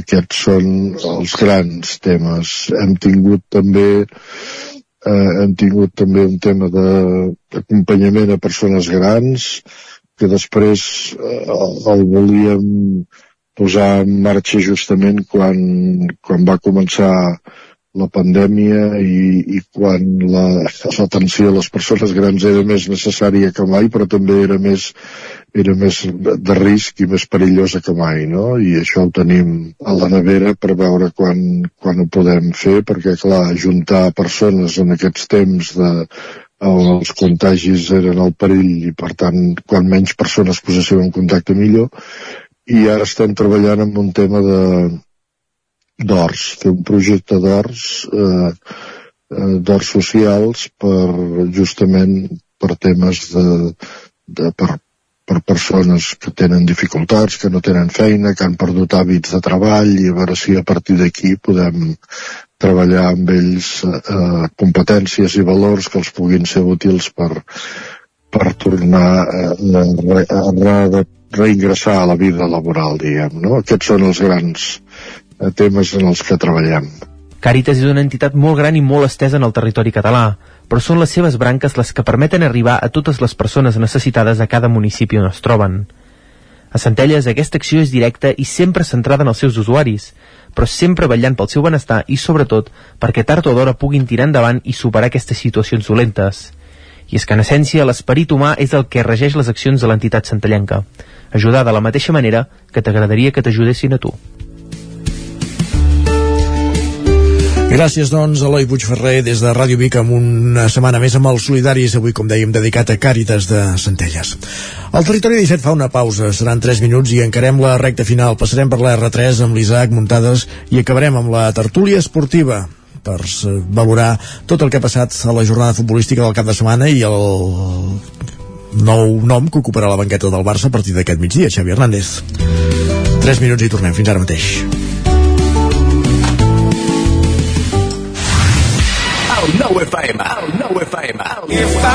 Trobada de teatre de Centelles del 5 al 14 de novembre contra el progrés i la democràcia amb direcció de Jordi Arqués i Iria Roig, Cafè Teatre contra la mort dirigit per Joan Roura, espectacle familiar anem passant de la companyia Clown, i al nou ordre mundial hi fem l'última copa de Harold Pinter amb la companyia Llanega Negra.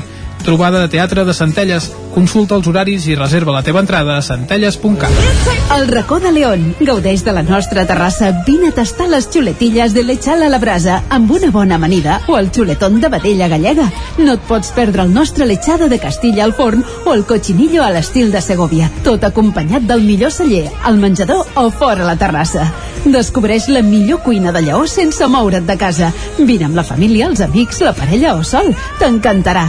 El racó de León, cuina tradicional lleonesa i de mercat. Som al carrer Torelló número 35 de Vic. Per reserves, telèfon 93 889 1950. El racó de León, una cuina diferent. Som especialistes en cargols a la llauna. Vine a tastar-los al racó de León. Saps què és el confort intel·ligent? és tenir un terra radiant Giacomini a casa. Benestar que no es veu, però es nota tot l'any. I que pots controlar a distància des del teu mòbil, estalviant energia i diners. Suma't al confort intel·ligent amb Giacomini. Informa't a giacomini.es o truca al 93 884 1001 i t'ajudarem a tenir un terra radiant a casa o a l'oficina. Giacomini, la climatització que et mereixes. A Corretja tenim tot el que necessites per la teva llar. Tot tipus de paviments i revestiments, sistemes d'aïllament, cobertes, parquets, aixetes, ferreteria, pintures, fixació i cargoleria, vestuari i material de seguretat. Disposem de més de 3.500 metres quadrats d'exposició amb una nova zona exterior d'aïllaments. A Corretja som especialistes en cuines i banys. Us assessorem, dissenyem i realitzem el projecte des de l'inici fins a la fi del muntatge. 100% cuines, 100% banys. Al carrer Mas Vigues 8 de Vic, a corretja-sl.com o a Instagram. 100% materials per la construcció i la decoració. 100% corretja. A la llibreria Mater hi trobaràs material escolar i d'escriptori, llibres, revistes i el millor regal. T'esperem amb una gran varietat de novel·les, llibres d'assaig, poesia, contes i moltes novetats editorials. I per anar ben equipat a l'escola tenim motxilles, estoig, carpetes, llibretes, bolígrafs i molt més. Recorda que amb la targeta client tens descomptes. Mater, llibreters amb vocació des de 1957. Llibreria Mater. Ens trobaràs al carrer Pla de Balanyà número 23 de Vic i a mater.cat. Tenim quaderns de vacances i les novetats amb motxilles i estoig de la marca Kipling. T'esperem. Territori 17 A Tren d'Alba. Cada dia els usuaris de la línia R3 de Rodalies que veuen sortir el sol des d'un vagó ens expliquen les gràcies i les penes del primer comboi que uneix Ripoll i Barcelona. Benvinguts a Tren d'Alba. Dijous passat, Adif va adjudicar les obres de remodelació de quatre estacions entre Parets del Vallès i la Garriga per 14 milions d'euros i mig. Els treballs es duran a terme a les estacions de Parets, Granollers, Canovelles, les Franqueses del Vallès i la Garriga, i tindran un termini d'execució estimat de 28 mesos, dos anys i quatre mesos. Això significa que fins al 2024 no estarà a llest, sempre que no hi hagi retards. La Unió Temporal d'Empreses integrada per Obres Conwarte Line i l'agrupació Guinovart Obres i Servicios Hispània seran qui executaran executaran aquestes obres, que són prèvies a la duplicació de la via en el tram de Parets del Vallès-La Garriga, un fet que permetrà incrementar el nombre de circulacions i reduir els temps de viatge. Déu ens escolti. De moment, avui el temps de viatge no se li ha reduït a en Jordi Valls. Bon dia, sóc en Jordi de Centelles. Avui el primer de Vic ha arribat 7 minuts tard, ja és la tònica habitual. Avui el tren anava amb forts. Hem començat a parlar arrel de que una companya dissabte a Teatre Sant Miquel de Balanyà van fer una obra molt, molt interessant que es diu Serà el nostre secret. Avui hem començat a parlar dels abusos sexuals infantils, a les 6 del matí. És un tema com per parlar en qualsevol moment. Només dades per la reflexió. Sabeu que un de cada 5 canalles han patit o patiran abusos sexuals infantils i que el 98,5% dels abusadors són homes. Aquí hi ha una fundació molt, molt heavy, molt, que treballa molt bé, que és la Fundació Vicky Bernadet. Us recomano que googlegeu, remeneu i mireu. Ens ho hem de fer mirar, eh? ens ho hem de fer mirar tots i totes plegades, però sobretot tots. Ja veieu que estàvem en temes molt profuns per ser aquella hora, els dilluns ja passa. Doncs res, no us vull atabalar més, que vagi bé el dia i que una Renfe qualsevol no us espatlli la màgia del tren. Adéu-siau! Xifres demolidores i molt serioses les que ens has presentat avui, Jordi. Darrerament aquests casos van apareixent més als mitjans de comunicació perquè les víctimes estan perdent la por de denunciar-ho, encara que hagin passat molts anys dels fets i potser que ja no es pugui perseguir penalment els autors d'aquests delictes, però és un pas important. Va, ens retrobem demà amb més històries del tren i de l'R3.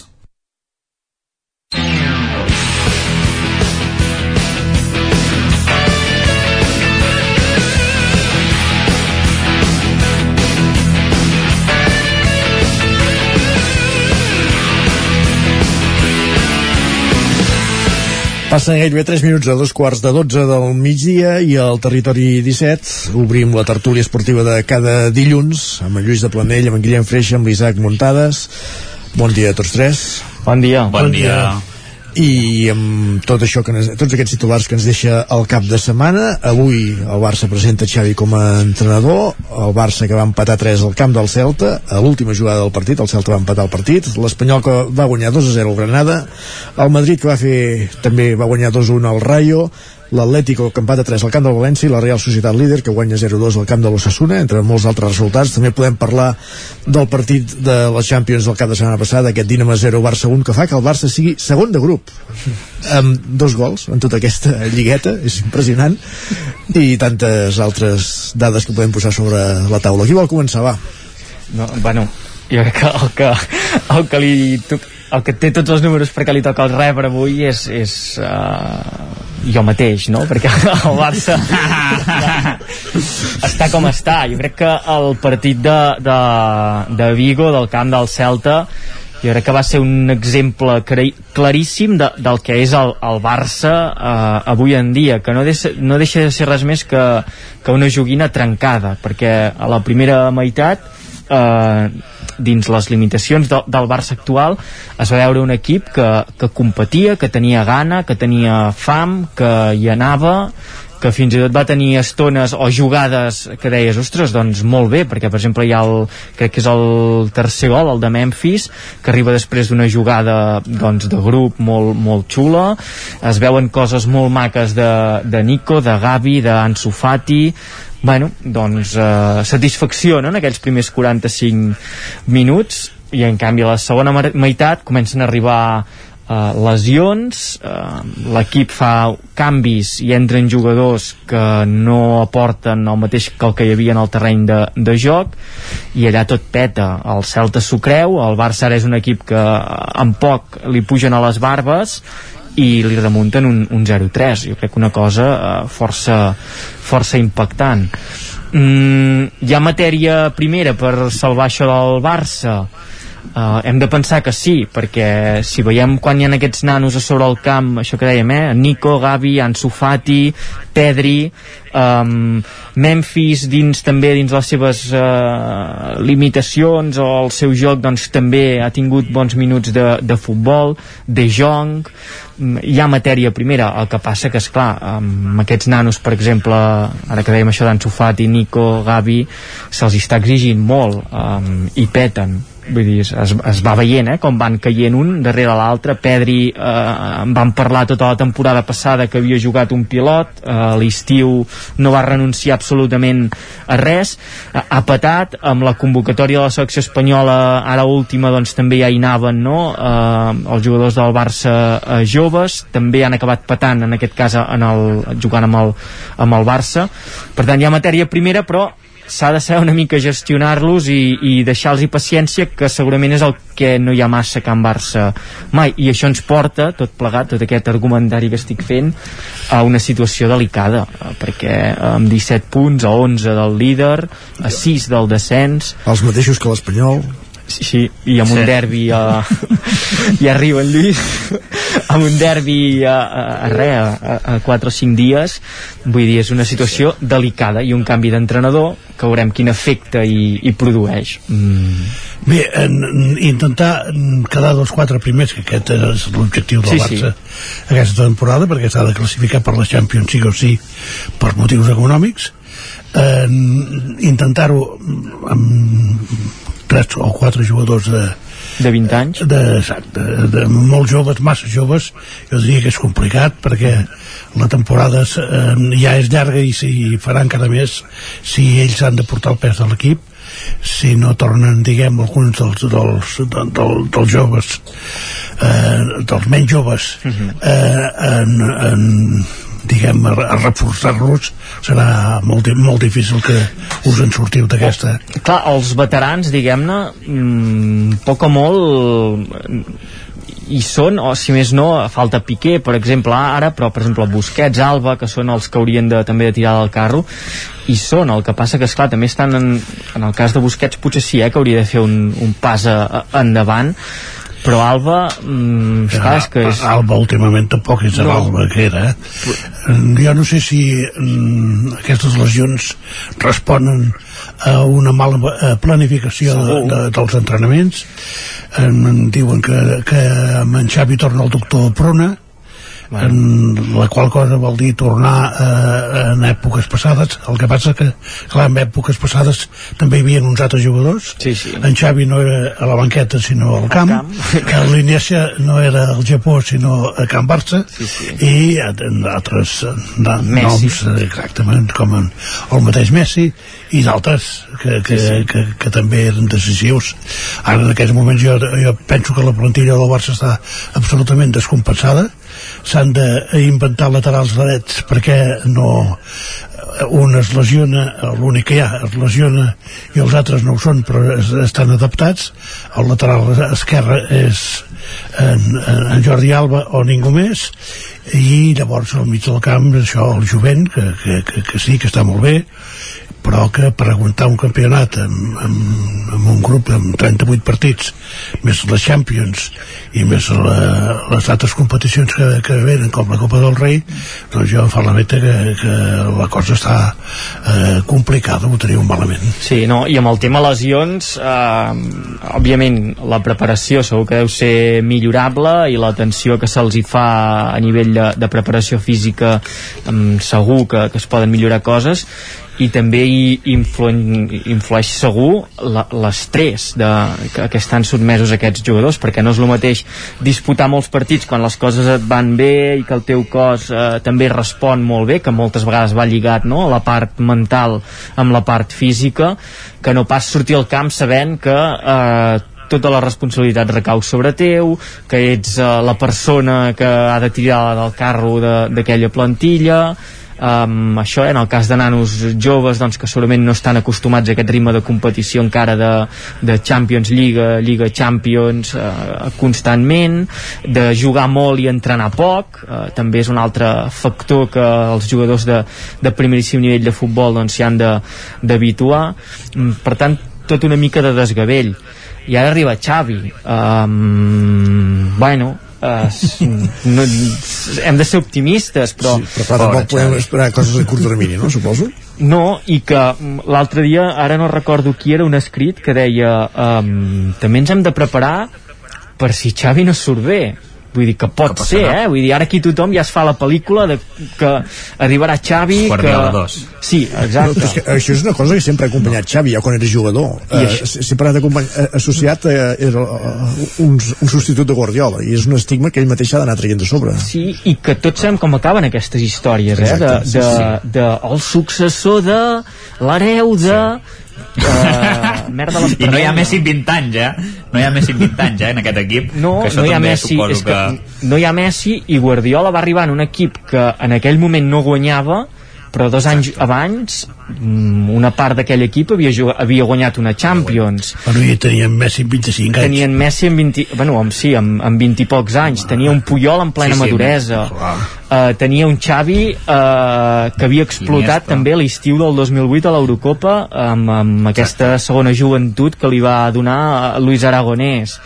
Vull dir, era un escenari diferent. Ara Xavi ha de construir una cosa zero, de, de zero jo ara em posaria pràcticament al, al 2003 en què qui ho va salvar va ser un tio amb una dentadura molt grossa i els cabells rinxolats que es deia Ronaldinho. Ronaldinho Ronaldinho. mm, i ara no, no hi és aquesta figura que torna a donar eh, il·lusió al barcelonisme ara hi ha uns nanos joves que, bueno, que s'han de fer foc lent no, no és una patum que et ve a, a, a revolucionar l'equip ni a posar-se l'equip a, a, a l'esquena com va ser aquell, aquell moment. I és que a més jo penso que a més, hi ha molts jugadors joves i excepte l'Anso eh, tots al mateix lloc.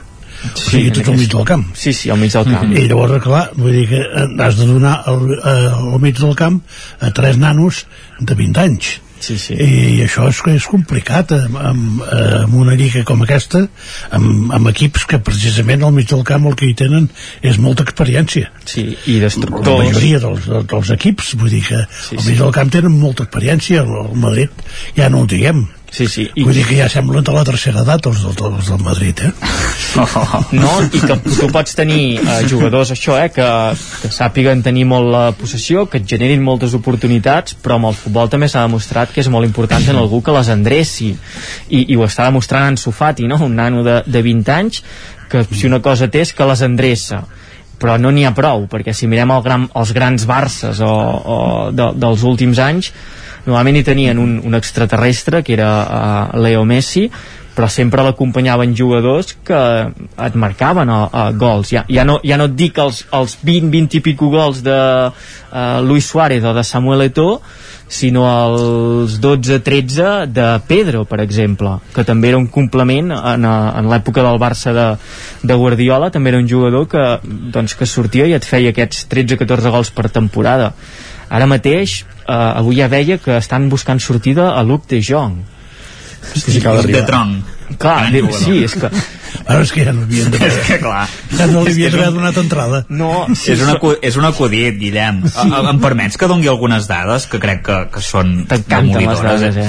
M'encanten les estadístiques. és que, és que t'estava escoltant amb molta atenció i estava pensant, ostres, déu nhi el Barça és un solar ara mateix, eh? Mira, el Barça és novè i, i ha guanyat 4 partits 4 partits de 12 o sigui, és un equip que ha guanyat només un terç dels partits. És un equip que teòricament ha d'estar a la Champions que evidentment no hi és. De fet està en el, la Champions la té els mateixos punts que, que el descens, eh, a 6 punts.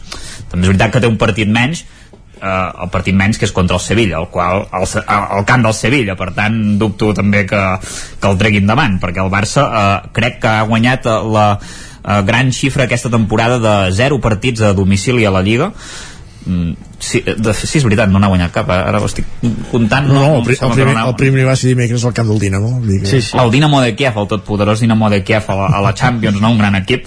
Uh, clar, millors, està millors el, millors persones. Està a 11 punts de la Real Societat que és el líder de la Lliga a 10 punts del Madrid que, que és segon però té un partit menys per tant podria ser el líder de la Lliga juntament amb el Sevilla.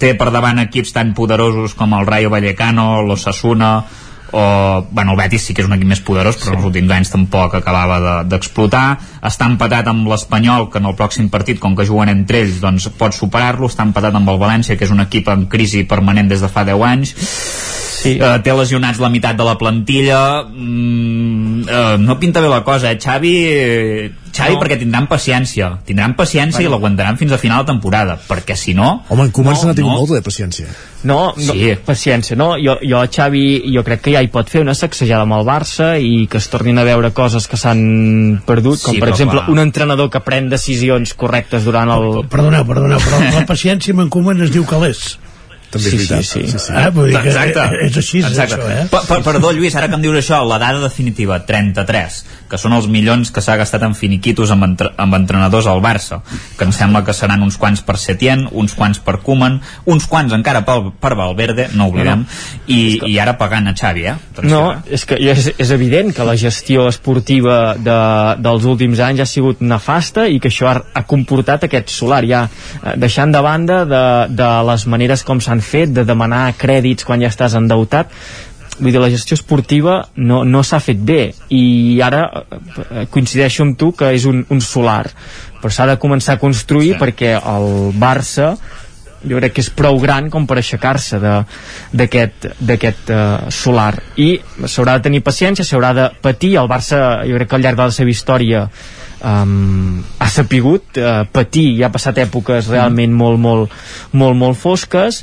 I ara doncs s'hi haurà de donar la volta. I l'única manera de donar-hi la volta és uh, amb gent de la casa. Uh, digue-li projecte esportiu, idea, filosofia de club o necessitat, perquè també és veritat això, eh? el Barça no pot anar ara mateix, encara que volgués, encara que diguéssim, no, no, tu, això de la Masia i dels jugadors de la casa no ens ho creiem, anem a apostar per fer venir aquí uh, un parell o tres d'estrelles i aixecar-ho. No, no, no, és que no, no, no, es, no podria. Es Vull dir, no hi ha alternativa. Ara, l'única inversió que uh, jo crec que s'ha de fer al Barça és amb nanos de la casa, amb uh, lluitar perquè vagin pujant nanos de la casa i això vol dir paciència, vol dir que segurament uh, una temporada, òbviament aquesta jo uh, pràcticament la dono per perduda i l'objectiu ha de ser entrar a la Champions i, i poc més però amb sí. una temporada i mitja mm, bueno, eh, foguejant aquesta, aquesta canalla i que es torni a fer aquest grupet on Però surti és que si no aconse- aconseguiu Sí. sí. arribar a la Champions, la, la, la, la crisi es pot allargar moltíssim, eh? Sí, es pot Perquè allargar, però- Econòmicament serà terrible. Sí, però també és el que et dic, ja no comptar en que aniràs a fer grans fitxatges i gestionar el que tens a dins a casa eh, doncs convencent d'altres maneres, convencent en projecte esportiu, que és el que no s'ha fet aquests últims anys, sinó que s'ha anat a fitxar a cop de talonari, convencent amb gent que fa temps que que mama al club ja sé que és complicat i utòpic eh, dir això amb els futbolistes a vegades Sí, sí. Però- Digue-li un tití. sí, en Titi i, i, I en Coutinho. és que clar, Que no ara, jugar. jo anava a dir això el cas de Coutinho es clama al cel vull dir, com pot ser que un jugador arribi al punt de, de, de es lesiona el teu company et criden i hòstia, Però jo, quan, això? en sèrio, eh, quan a vegades m'adormo al sofà i me n'he d'anar llavors eh, que m'aixeco i me n'he d'anar a dormir m'aixeco amb més amb més trempera i amb més força que no pas Coutinho de la banqueta del Barça vull dir, és tremendo Però, però vols que t'expliqui això perquè va passar? Perquè va, va olorar-se que, que hi hauria una debacle i va dir ui, ui, Hòstia, no. com ens, Però, a més a més, a què amb, amb mi al camp Però i a què aspira aquest jugador? Aquesta és l'altra no, a, pregunta. a, a cobrar a final de mes Sí, com, però- com tu i jo, el que passa és que sense fer res ara ja igualment, ja els ha fet els calés ja no... Hosti, però... no sé, és un, és un jugador que ja saps que no tindrà la confiança del, del nou entrenador No, no, amb aquest gesto t'asseguro jo que Xavi ja li va fer la creu dissabte. Clar, o li, Segur. sí, o li fot les piles molt, molt, molt posades que fins ara no ha aconseguit ningú o jo no sé què s'ha de fer amb aquest jugador i llavors hi ha també el cas, la patata calenta d'Embelé que aquesta és una Sí, altra, perquè què fas amb Dembélé? El renoves per aprofitar No. eh, alguna cosa? No el renoves que marxi lliure i allà on vagi es converteixi en un coet que, que faci bones temporades Però un coet que no rebenti, perquè serà, el problema No, no, bueno. són les lesions. Sí. I les lesions les tindrà aquí eh, i no en un altre lloc. Mm, Sí. Ah, bueno, a vegades- excepte si et, en Robben, per exemple, al Madrid me'n recordo que el Madrid es va lesionar que Molt. tot i així vaig mirar una estadística una vegada i va jugar més partits del que em semblava vull dir, tampoc era un no era com el cas de Bale, per exemple però després el Bayern però passa No que hi ha jugadors com ara diuen l'Isaac, eh? això, jugadors que pel que sigui passen unes temporades que van rebentant muscularment i que després no se sap per què per la seva manera de jugar, per la seva manera d'entrenar perquè muscularment arriben a una maduresa diferent I perquè, perquè veuen moltes Coca-Coles i mengen fregits, Bueno, que això també. li passava al Messi al principi, Sí. segur que Dembélé em sembla que també anava per aquí, el tema de la dieta. Sí, però no ha millorat, eh, Dembélé. no. De totes maneres, No, no, el, per això, per això. De totes maneres en, en Robben, aquest cas que dius, amb el Madrid Sí. sí. estava lesionat sovint i amb el Bayern Sí. sí. va fer temporades senceres sense Exacte. eh, ni un partit de baixa. Vull dir que també és sí, curiós, sí. això. Eh? I Sí, sí, sí, sí, Ara, sí. no sé Ara ho si- buscaré, ara, ho- ara ho buscaré perquè I em és, fa gràcia. és molt delicat perquè amb Dembélé és que jo no jo em poso la pell dels dirigents del Barça i jo no sabria què fer perquè què fas? És això, eh? Home, tingut... renovar-lo per intentar vendre'l. Sí. El que passa que, està clar, el, el problema és vendre. quan el vens, perquè l'has d'empaquetar quan... Ara el Coll Sospina segurament el voldria. eh? Sí, és clar. Hòstia. Però és que... Ara tardava a I el sortir, Camp el Sospina. també. El Can Davano, hòstia, el Can Davano el segur, eh?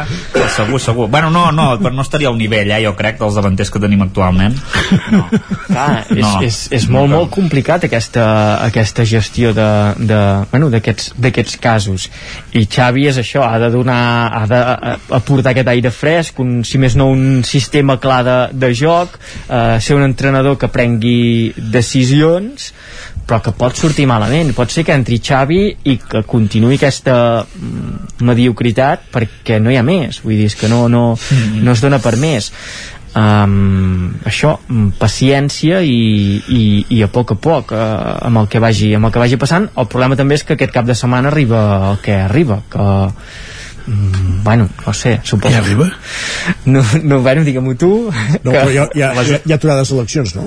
O no? Per això. Ah, no, bueno, doncs la, Sí. la següent, a la propera, la propera vegada que tornin, que tornin a enganxar-se a la, a la el- Lliga... El, el vinent, eh? El vinent, sí, eh? el Vinena... L'assassi- L'assassinat del Barça es posposa una setmana. No, esclar, aquests partits... Uh, jo, no sé, Escorxador. jo crec que són bons, bon escenari per... Te- Tenim un avantatge, com que amb la lesió de, de l'Anso Fati s'han emportat en rol de Tomàs a la selecció i no estarà tan descansat. Això, que no, altres. que no es lesioni. O està, però, però millor marca gols i està més motivat i Ah. arriba com un tren. També pot ser, eh? Vull dir que aquests jugadors també els agrada, eh? Com un tren ja ho està, perquè... Sí, sí, sí està com un tren. Està... Vull dir En que- el sentit de joc, eh? Vull dir. Sí, exacte. bon, altres jo no hi entenc. Però eh, sí, sí. El, el cert és que eh, el, el barcelonisme ha canviat molt, eh, de totes maneres, perquè jo ja sabeu que sóc un veterà de les tertúlies i, i m'he sentit de tot aquests últims anys que els entrenadors han de fer uns períodes de 3 o 4 temporades com a mínim perquè és clar, si no, no tenen temps d'adaptar-se i no sé què, en 3 anys han fotut tres, fora 3 entrenadors.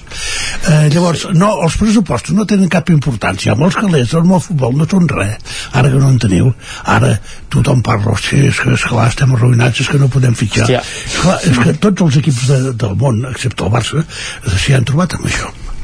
I llavors ara, ara pat, patiu la realitat sí. i llavors, llavors ara, ara quan, és quan reconeixeu les dificultats dels altres per eh, tirar endavant un club. I que també ha canviat molt la, la, la radiografia financera amb els clubs de futbol vull dir... Bueno, que no es poden fer bestieses que no es no? poden fer bestieses ni es poden fer um, mangoneries rares uh, vull dir que tot queda molt ara Ara, explica'm una cosa, en, en la porta diu que fitxarà tres homes sí, però Sí, està qui, qui, qui farà Els venir davanters del Camp davant el poder, però No. bé.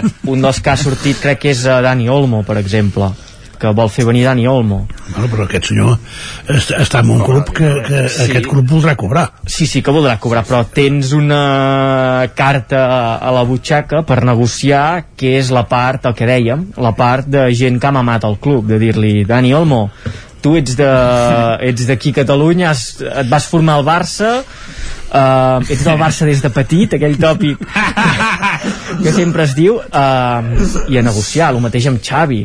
Quan ha vingut Xavi, amb els de l'Assat, eh, Xavi ha fet pressió perquè la, pagar la clàusula es pogués fer d'una manera diferent, tal i qual, un amistós. parlant de la meitat segons diu ell Sí, és... és, és, és Bueno, però una, una cosa és que Xavi pagui dos milions i mig d'euros com no. recuperarà i l'altra cosa és dir Olmo, vine aquí i cobraràs com el davanter del Camp de Bànol llavors Home, no, exacte, no, no. com el davanter del Camp de Bànol però jo crec que s'estan fent moviments. Per exemple, ara reiem molt amb això de Luc de Jong però jo crec que el moviment de Luc de Jong doncs, també ha d'anar eh, anar rascant d'on sigui per poc que sembli a, a nivell eh, econòmic massa salarial um, però on, no, te, on, te, on te lo col·loques aquest home que si no el vol ningú bueno, clar, En Luc. aquí uh, El el d'en Luc. Clar, no, has d'anar a buscar alguna lliga, El no sé, la típica lliga grega, no? El, el Paguen És que clar... Allà, sí. No, de Jong va ser un descobriment de Monchi, no? També, o perquè ve del Sevilla. Sí, però no, va, Sí. em sembla que va ser d'aquests que no... Dels pocs que no li ha funcionat. A veure, que encara va fer algun gol, eh? Que, que no està malament, eh? Vull dir que segur que si fitxa per algun equip així de primera divisió, el dia que jugui contra el Barça fa hat-trick, això estar segurs, eh? Hat-trick no, però esclar, són jugadors que no, jo crec que no són per ser la punta d'atac del, del, del Home, Barça. clar. El problema és que el Barça ara tampoc té diners per No fitxar un, un grandíssim jugador davant. I Dani Olmo jo crec que encaixaria per això, perquè és un nano que estan arribant a la maduresa futbolística, té aquest vincle emocional amb el Barça, uh, bueno, si es pot fer aquest, aquest uh, pagament i aquest fitxatge, doncs podria, podria ser un, un bon, un bon fitxatge mm.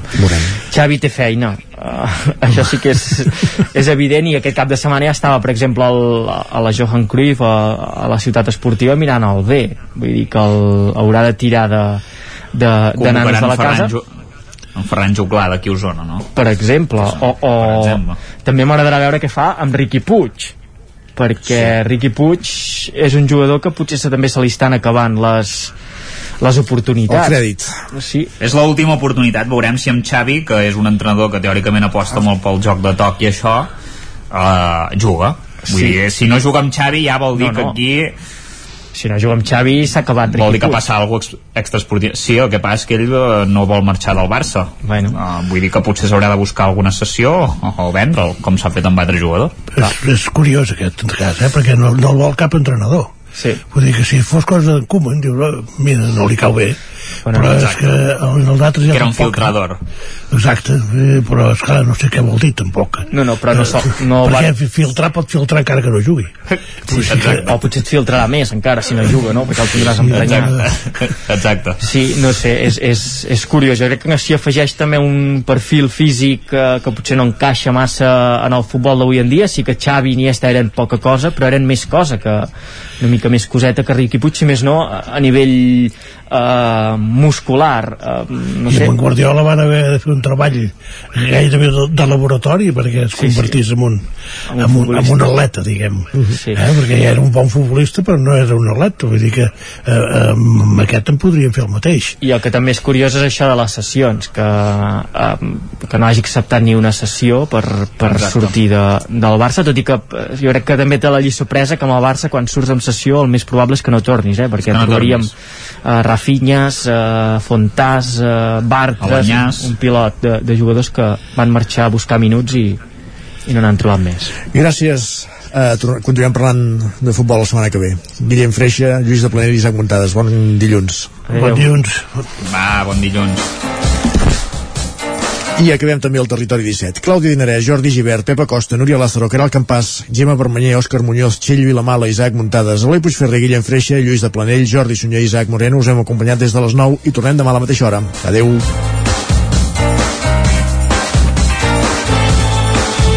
Territori 17 un magazín del nou FM. La veu de Sant Joan, Ona Codinenca i Ràdio Cardedeu amb el suport de la xarxa.